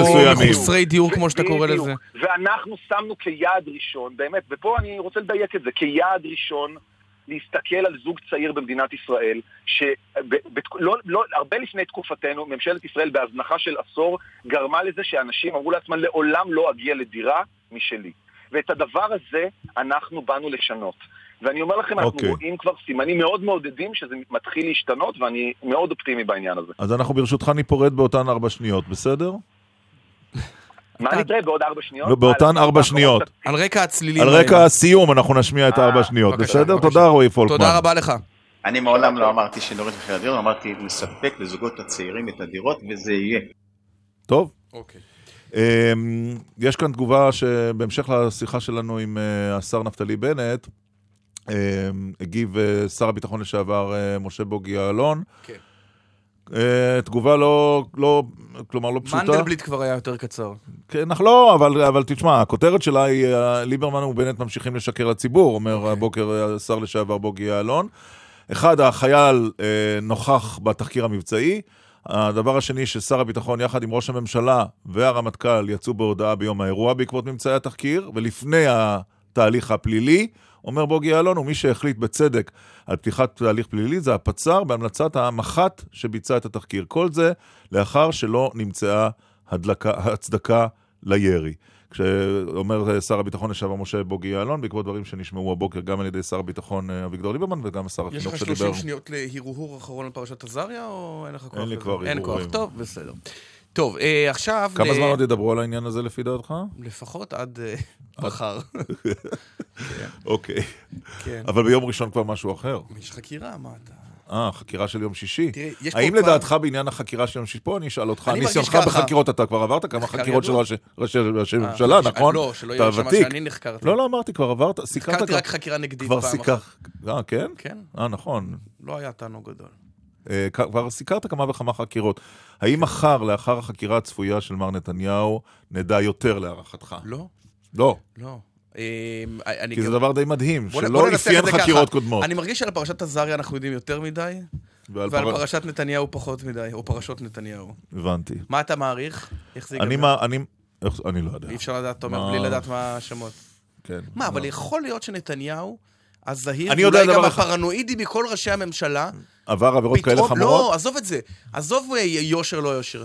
מה, איבד את הזהירות שלו? הוא יודע שכולם יושבים לו על הזנב, כל העיתונאים. נכון. וכל ה... או לא כל אני- חלק לכן, מהעיתונאים, לכן אני וכל לא, החוקרים. זה מאוד מוזר וזה לא מתחבר לבנימין נתניהו.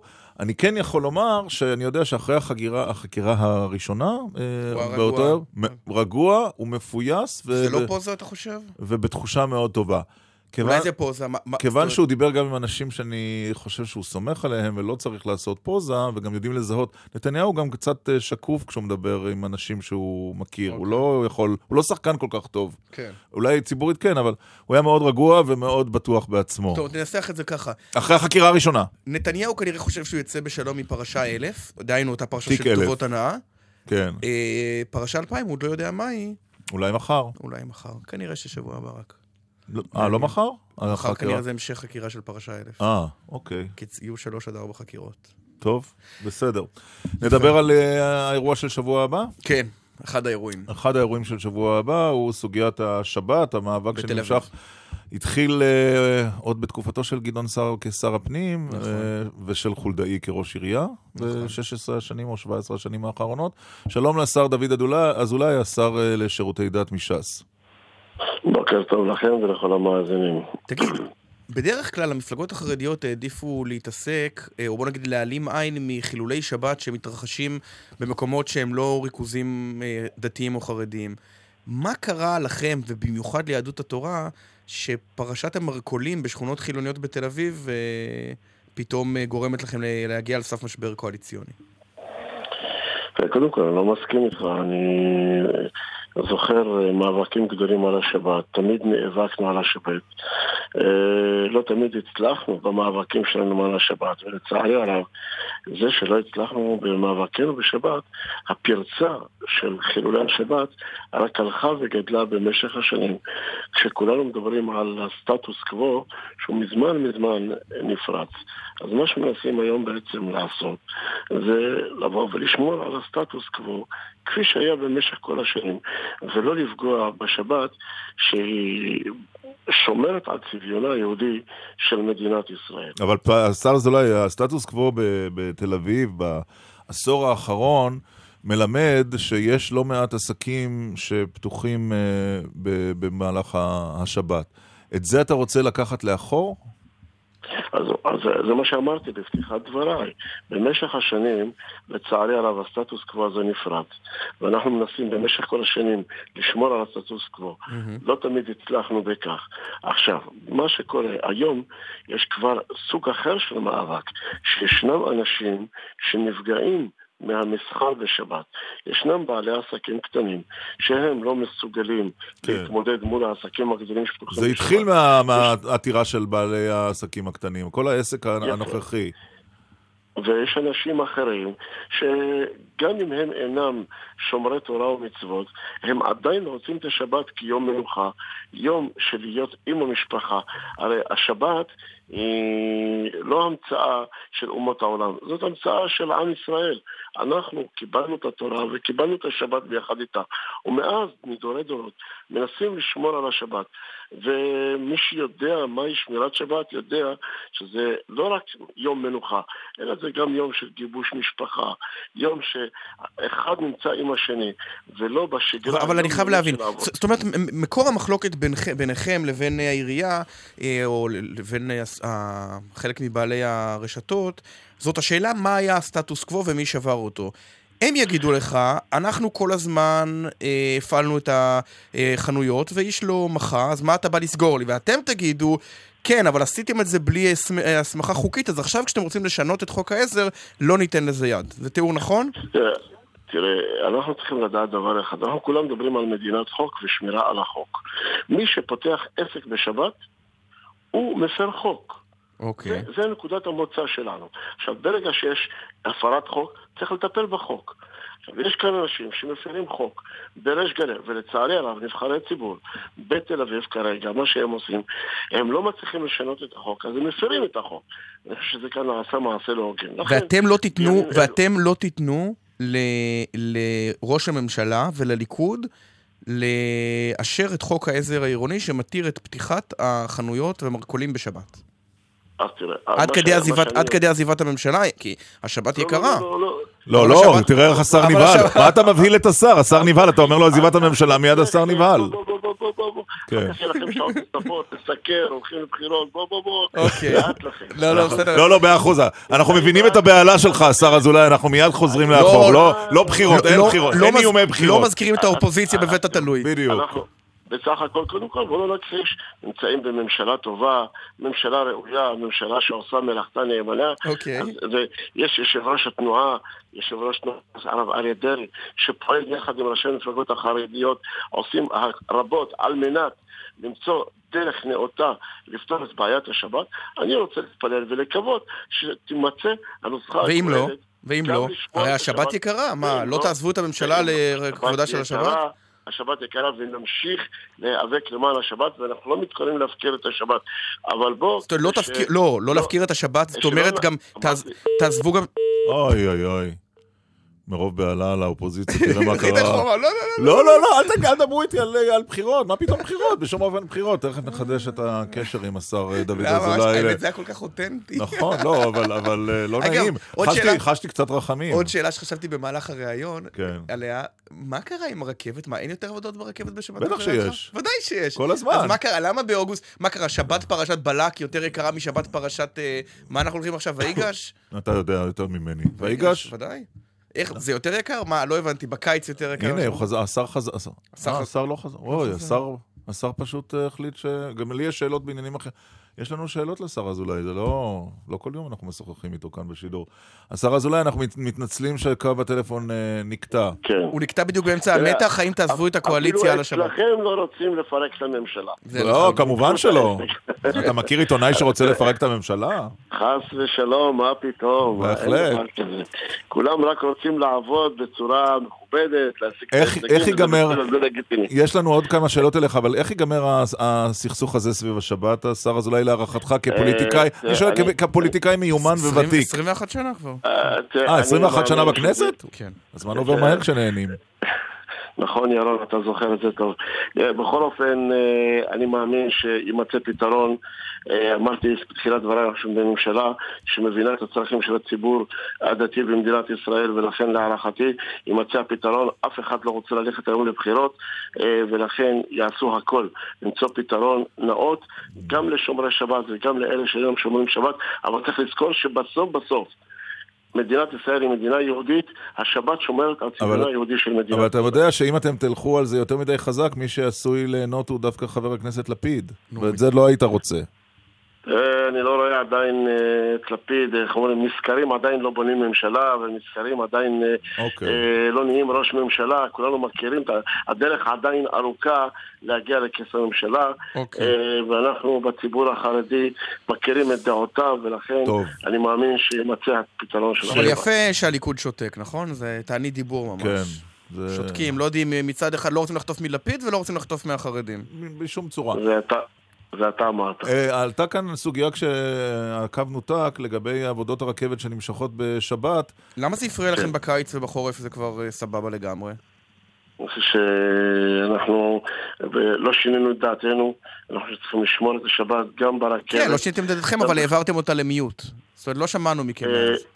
אני חושב שנעשית עבודה שקטה, ויש אילוצים שאין ברירה, ואנחנו מבינים את זה, וכשעובדים בשיתוף פעולה, יש פתרונות לכל דבר. הבנתי. אז אוקיי, רגע, לפני שאלה, שאלה אחרונה, כי אני קראתי בכיכר השבת אה, ידיעה קטנה ש... אני מבין שמזמן לא ראיינת אותי ולכן אתה... לא, נכון, אתה רואה, אני התגעגעתי, אז תתראיין אצלנו קצת יותר. טוב. אבל ממש לפני פרידה, בעיה. לפני פרידה, אני קראתי באתר כיכר השבת על שיפוצו של הקבר של התנן יונתן בן עוזיאל.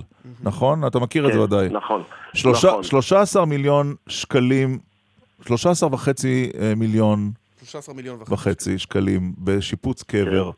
לא כדאי להשקיע 13 מיליון וחצי באנשים חיים מאשר בתנא? אתם אתה מפלגת, מפלגה שרוצה לדאוג לפריפריה. כן. פשוט סכום מטורף. אה, תראו, מכובדיי, אה, אני לא יודע אם אתם יודעים, אבל יש נהירה המונית, תיירות בלתי רגילה מכל רחבי העולם לקברי צדיקים. ואנשים מגיעים, מדינת ישראל רוצה להביא תיירים למדינת ישראל, רוצה להביא הון אנושי שמכניס הרבה מאוד כסף למדינה. מקומות כאלה שאין להם גישה ויש להם ביקוש, ואני מציע לכם, תלכו בסתם יום של חול, לאו דווקא בערב ראש חודש, לא ביום ההילולה של רבי יונתן בן עוזיאל, אלא בסתם יום של חול. בקיצור, זה שווה. ישראל מגיעים לקברי צדיקים.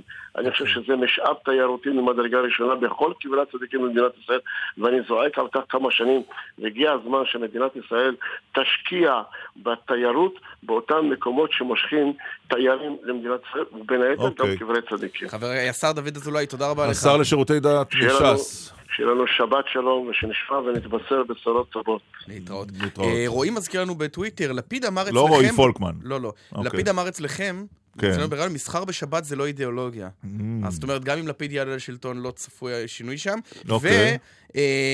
אשטג דקל סגל. ודניאל. כותב, בית המשפט קבע שאסור לפתוח בשבת מרכולים, ואז הרבה אנשים שכל פעם אומרים שצריך לכבד את בית המשפט, יצאו נגד ההחלטה. צביעות כבר אמרנו? טוב. יפה. אה, טוב. חסויות ותשדירים, ואחר כך אה, נמשיך. דקל סגל. אנחנו, אה, הפוגה קלה, אוהב להיות בבית. כן, אה, אפשר שרון להקדיש גל אותו. אמר, אני רק פשוט אהבתי להיות בבית. שרון גל, כן. נכון בתחילת התוכנית גל. הבוקר. בבקשה. אחר כך אה, אמיר פרישר גוטמן חוזר אלינו בעקבות הראיון בהפתעה בשבוע הצעת שעבר. חוק. ועם עומר בר-לב, חבר הכנסת.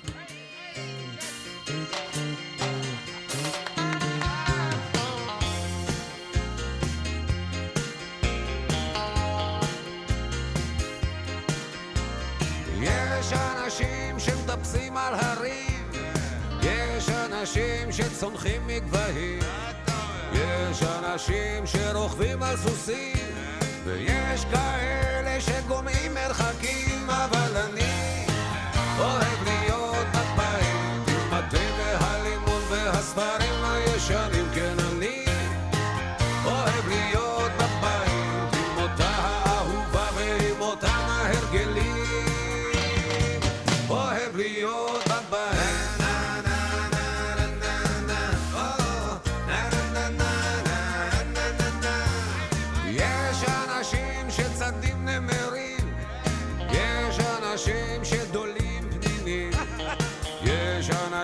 שבונים מגדלים, יש כאלה שצמים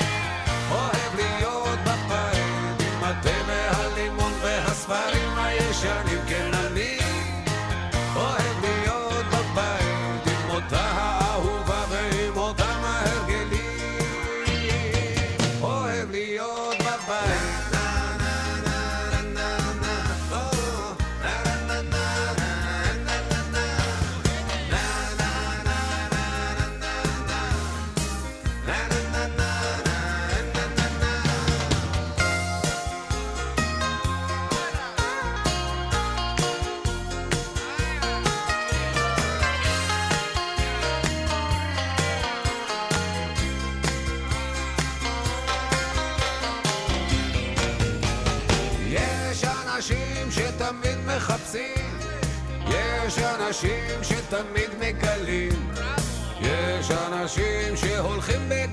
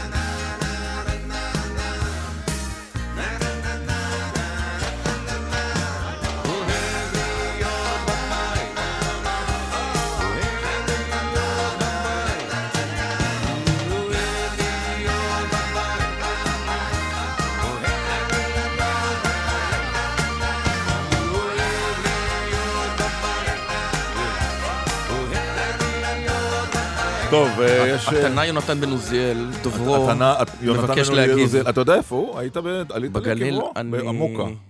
לא, אתה לא יש עולה לי לקברים. בעיה קלה עם עלייה לקברים. אוקיי. ביקרת, סליחה, ביקרת? כי לבקר... אה, לא, לא. לא, אוקיי. לא, לא. רבי שמעון בר יוחאי, ביקרת? לא. גם לא? לא. יש איזשהו קבר של... לפקוד קברים זה, בוא נגיד ככה, רגע, בוא אני נ- מכבד את הלגיטימיות, זה אוקיי. לא... מערת המכפלה? כן. אוקיי. טוב, בסדר, אז הנה, אחר. הנה משהו, לא, בסדר, משהו בכל זאת ביקרת. טוב, בסדר. אה, דוד שאול כותב, אה, הרבה כן. יותר אנשים הולכים לקברי צדיקים מאשר לבית הקברות שנקרא הבימה. לא שמעתי יותר מדי טענות על השיפוץ היקר הרבה יותר שלו. האמת היא אוקיי. שאני שמעתי הרבה טענות, אבל אפשר גם... א', היו טענות על הבימה. גם וגם. אוקיי. אה, אוקיי. אה, אני מזכיר שסכום השיפוץ הוא 13 מיליון שקלים. איך משפצים קבר ב-13 מיליון שקלים? נשאל כאן, והאם מישהו לא גוזר כאן קופון? כי 13 מיליון שקלים לשפץ קבר זה סכום לא, מטורף. תחשוב על זה, אל תחשוב על קבר. זה בסדר. לא מצבה. נכון, לא גם את הביאלון. הגישה, את בסדר. הגישה, את אבל, אבל לא הכיסאות. נראה לך ש-13 מיליון שקל זה סכום מטורף? בסדר, לי נראה שכן. יכול להיות שה... תגיד, ועוד שאלה, ולא נראה לך כש... אה, Mm. ל"ג בעומר, כשמגיעים לשם מאות אלפים, זה אולי כן. האירוע הכי גדול שמתקיים בישראל כבר מדי שנה, עשרות שנים. אבל לא מדובר על מסוכר, לא. הסיקור התקשורתי שלו וההתייחסות אליו, בוא נגיד, במה ש... בחברה הישראלית, היא, בוא נגיד, בערך פרומיל ממה שאנחנו נותנים להלוויה של זמר מפורסם, או להפגנה של אלפיים איש על אה, מתווה הגז, או ללא יודע מה. אז עכשיו אתה שואל על דרך סרקור התקשורת? לא, אני אומר ש... אבל זה משהו שחוזר על עצמו מדי שב- מדי שנה. אני אומר שזו תופעה שיש בה כל כך הרבה אנשים, נכון. שאולי צריך... אבל כמה כתבות היו על הנסיעות לאומן? היו בתחילה, כשזה היה בתחילתו, המטוסים המלאים שטסים לשם, כן. נסעו וסיקרו וחזרו, גם צוותי טלוויזיה, גם כתבות רחבות מאוד בעיתונים, אבל אתה יודע, כשמשהו כן, חוזר על עצמו. בפעם ה-15, אז הוא פחות... אה, אוקיי. בשבוע שעבר עלתה, עלה כאן אה, בשיחה בהפתעה אה, אמיר פיי גוטמן, אמיר פרישר גוטמן, סליחה, ודיבר איתנו על הצעת, אה, או, או על משהו שמטריד אותו בנוגע לחולי סרטן. ובוא נזכיר, הוא איתנו בוא על נזכיר הקו. אותו כי הוא איתנו על הקו. שלום. הפרישר, וגם אל- חבר הכנסת... וגם חבר. הכנסת עמר בר-לב מהמחנה הציוני. בוקר טוב לשניכם. בוקר טוב, חברים. אז תזכיר- אז- תזכורת, אמיר. אמיר, בבקשה. התזכורת היא פשוטה, אני בעקבות uh, מה שחוויתי, למדתי הרבה מאוד דברים, גם הרבה מאוד דברים שקורים שהם לא הגיוניים. החלטתי להשתמש בכוח שלי ב- ב- ב- ביכולת להגיע לאנשים, והאמת היא שאם הייתי יודע שהתוכנית שלכם מאזינים לה כל כך הרבה אנשים חשובים, הייתי פונה אליכם ראשון. אה, ובאמת... אה, חבל, אבל אתה העדפת את ה- את התהילה הזולה של אה, ערוץ 10 על פנינו. זוועה, לא זוועה, על זוועה. על פני הרצינות ו... כן. תראה, אני, אני לא זה, אני מעריץ אותך, באמת. כל הלב, אני אומר לך את זה, אתה איש מדהים. תודה רבה. הוא מתחיל להחליף פה צבעים, אמיר. ועכשיו- ועכשיו לא- להצעת לא, אני החוק. חש לו בנוח. בדיוק. ועכשיו להצעת החוק. בקיצור, סליחה, סליחה, מר דקל, גם אתה, אבל באמת, אני תודה. בחור צעיר. גם אתה בסדר. גם אתה בסדר. גם אתה ברוטוס. בקיצור, כן. בקיצור ולעניין, הגעתי להבנה אחרי הרבה שיחות עם הרבה אנשים שעובדים בעניין הסרטן וההחלמה ממנו, שבעצם הבעיה, אחת הכי גדולות של חולים, זה מה קורה אחרי שהם כביכול מבריאים. זאת אומרת, שהרבה אנשים... האמת שהכרתי בחור אחד חביב במיוחד, שבמשך ארבע שנים, של, שלושה סבבים של מחלה, ואמר לי איזה יום שבאיזשהו מקום הוא ממש, ממש מפחד מהרגע שיגידו לו שהוא בריא, כי בזמן שכל חבריו התקדמו, התחתנו, עשו אה, אה, תארים ו- והתקדמו בעבודה, הוא נשאר במחלקות והוא לא יודע מה לעשות הלאה. ואז התחלתי לרדת לעומקה של הבעיה והבנתי שאומנם אדם חולה סרטן מהשנייה הראשונה, ואגב עשיתי המון שיעורי בית מאז כן. שהעניין צבר תאוצה בזכותו של חבר הכנסת עומר בר-לב שעוד מעט דברו איתו, כן. אמ, ובאמת הבנתי, בן אדם אה, מוכרז 100% נכה. רגע, רגע, כשאתה חולה סרטן אתה 100% נכה, ואז יש לך פטור מלא ממס הכנסה, נכון? יש לך, זה לא רק פטור ממס הכנסה, זה ארנונה. זה הרבה כל הקלות. הדברים שאתה לא יכול, כן. זה המון המון הקלות שבאמת אתה לא עובד, אתה... אבל איפה הבעיה?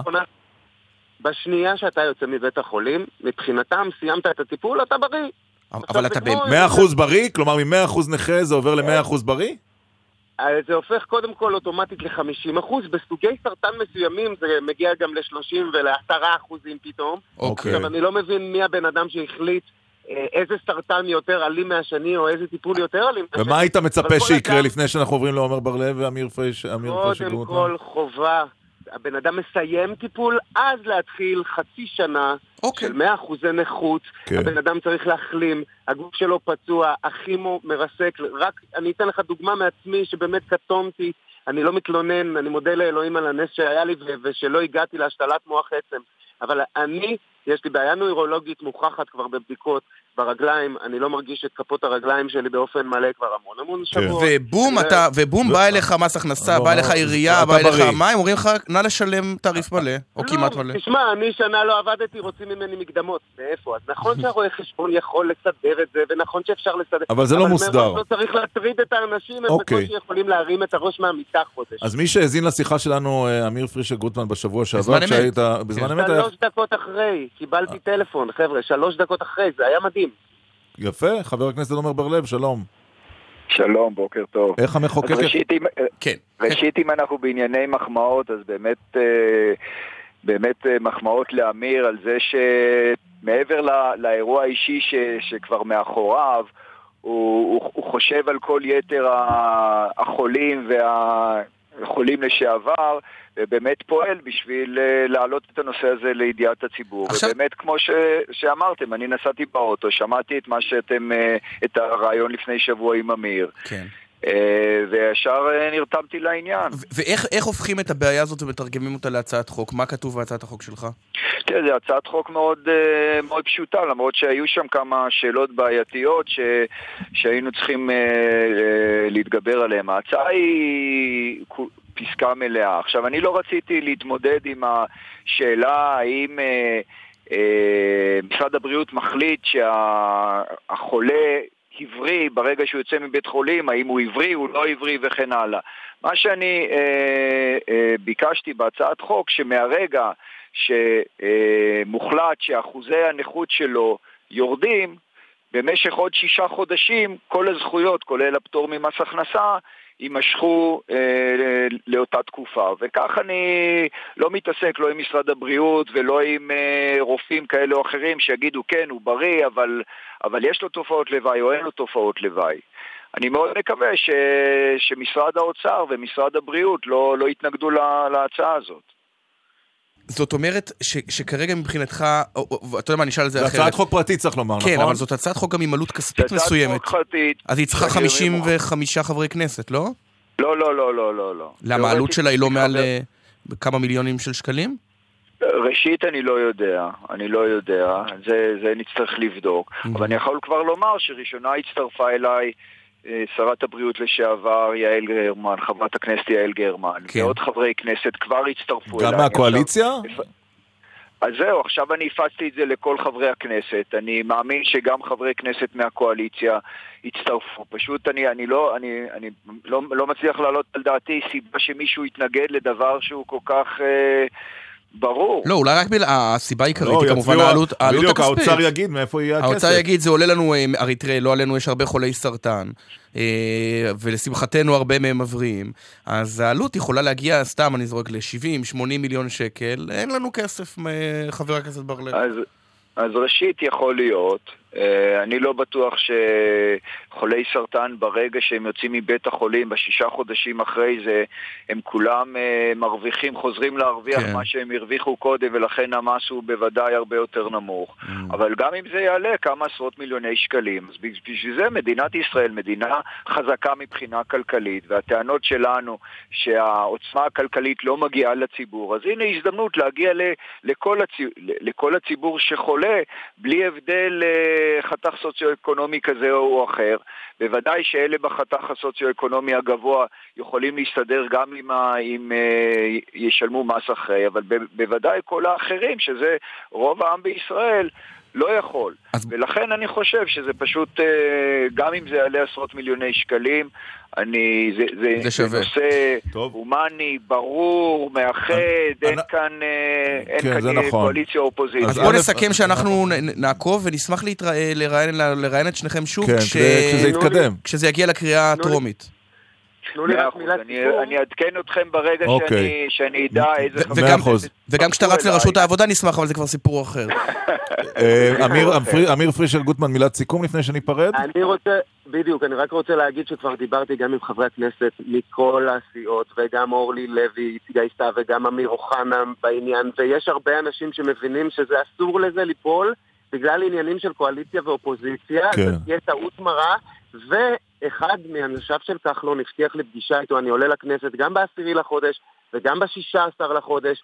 יפה. הבטיחו לי פגישה עם השר כחלון, ואני מבקש, באמת, זה ישנה את החיים לבאמת נקווה. אלפי חולים בשנה. אנחנו אה, נשמח לה- לסייע אני- במעקב. אני אומר, אני, אני אומר יותר מזה, אם בסוף אה, אה, זה יעמוד על זה שמישהו מהקואליציה יהיה חתום ראשון, אז גם על הכבוד הזה על הכבוד אני הזה מוכן אתה לוותר מוותר. בשביל הנושא. מאה אחוז. תודה רבה לך, חבר הכנסת עמר בר-לב, המחנה הציוני, ואמיר פרישר גוטמן אה, על היוזמה הזאת. תודה רבה.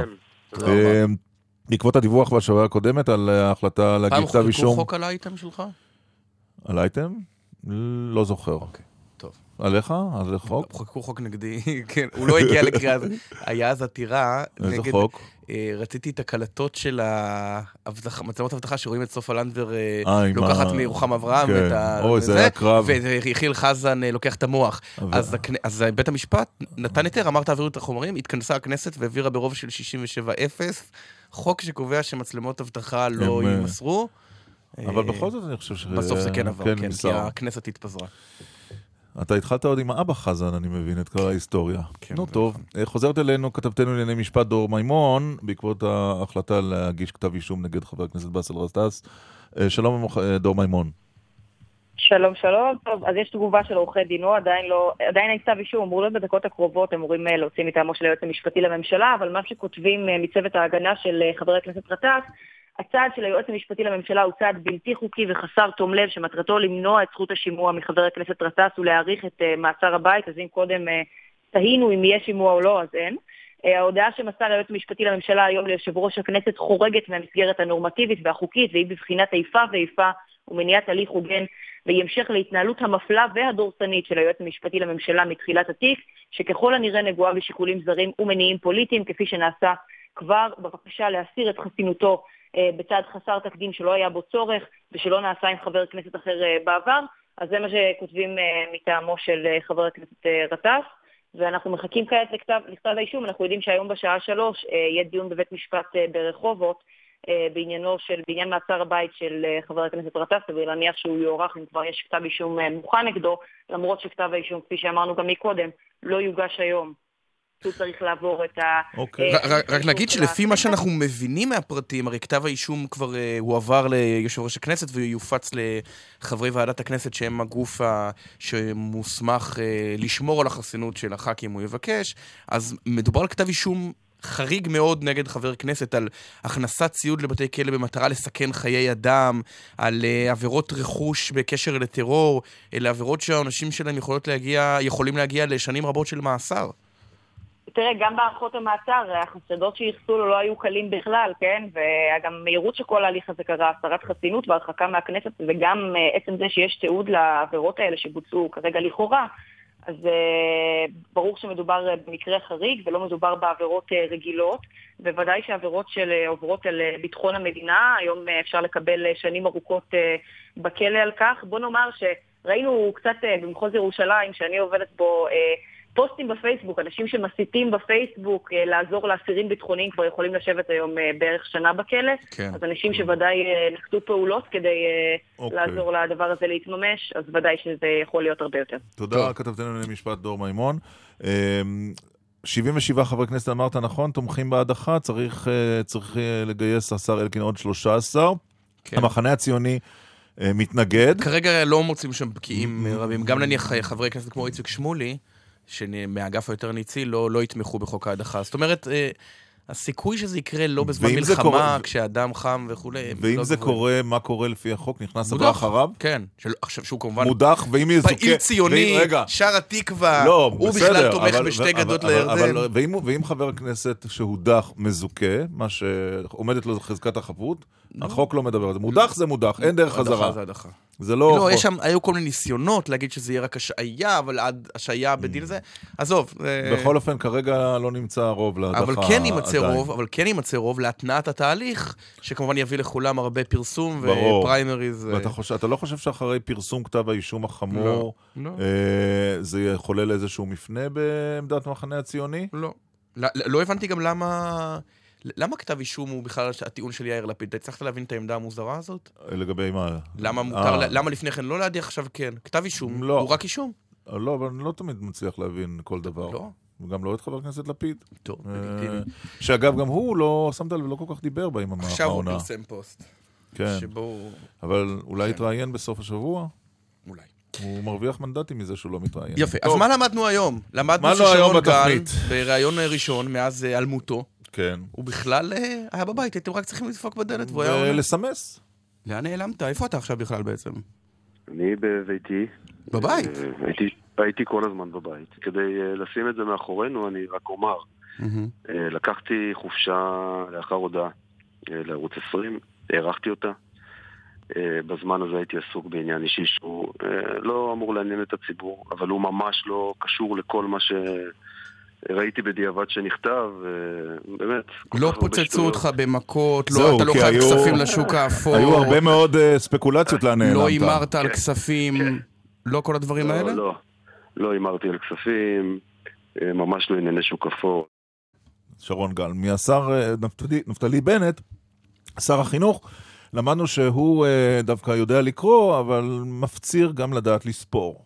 אני לא בטוח שבנושא לוחמה בשדה הקרב הייתי לוקח שיעורים אה, מליברמן. שמעתי שהוא שולח אותי ללמוד לקרוא, אני מציע שילמד לספור. למשל, עד 48 שעות אפשר אה, גם ללמוד לספור. אתה מתכוון, רגע. רק כדי להבהיר למי שפספס את הפאנץ', אתה מתכוון לאותה הבטחה לחסל את אה, אסמאעיל הנייה תוך 48 שעות מרגע כניסתו למשרד הביטחון? והתשובה היא כן. כן. אה, למדנו גם שחיים טופול, בן 81 כבר, והשיחה בעשור התשיעי בהפתעה. לא רוצה לדבר על דברים רעים. אה, אבל למדנו מה הוא עושה בימים האלה. מה שלומך, טופול? לא רע יחסית. מה מעשיך בימים אלה? עובד, עובד קשה. איפה? איך? עובד? קשה, אה, גם, ב, גם במקצוע שלי וגם בעיקר בכפר נהר הירדן. שמעתם על כפר לא. נהר הירדן? ספר לנו. כפר נהר הירדן זה כפר נופש לילדים שסובלים ממחלות לא טובות, והם באים אלינו לנופש, ואנחנו מביאים אותם מבלי שהם כמובן צריכים לשלם או משהו כזה, ואנחנו עושים להם את הכיף של החיים שלהם. את התוכנית אה, הבוקר ערך אילן ליאור, אלה פרץ ומשי ג'רסי הפיקו, דנה קמישב על הביצוע הטכני, עורך הדיגיטל גיא חזק, מיד אחרינו, מצד שני, שלום קיטל ויועז הנדל. אה, ואנחנו שומעים את בלוז הלוויה, זה השיר שביקשו בני משפחתו של אה, חגי בן ארי, מפקד סיירת צנחנים, ש... זכרו לברכה שהובא למנוחות אתמול, חווה אלברשטיין, בלוז הלוויה, שוב לזכרו. אה, בשבוע הבא. שבת שלום. שבת שלום.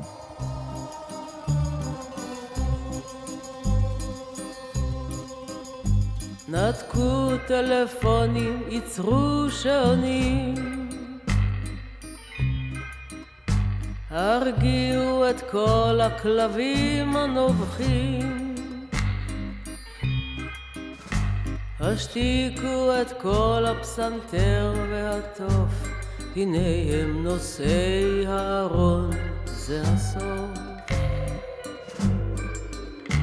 מטוסים יכתבו ברקיע כתובות.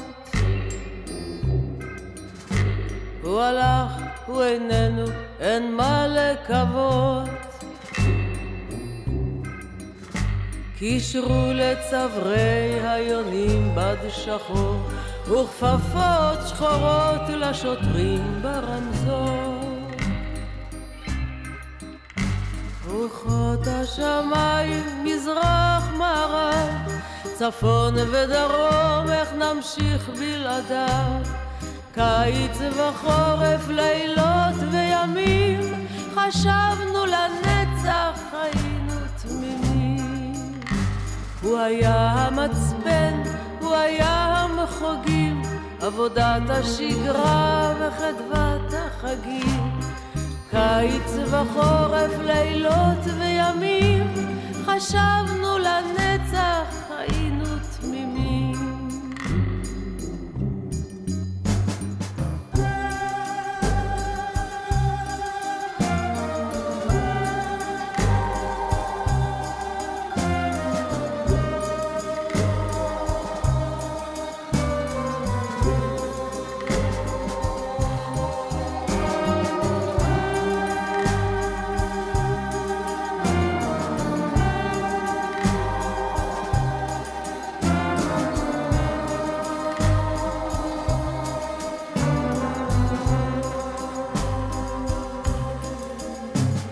צריך כוכבים? כבו את כולם. ירח ושמש כבו גם אותם. כרתו את היער, רוקנו את הים. אני לא אדע כבר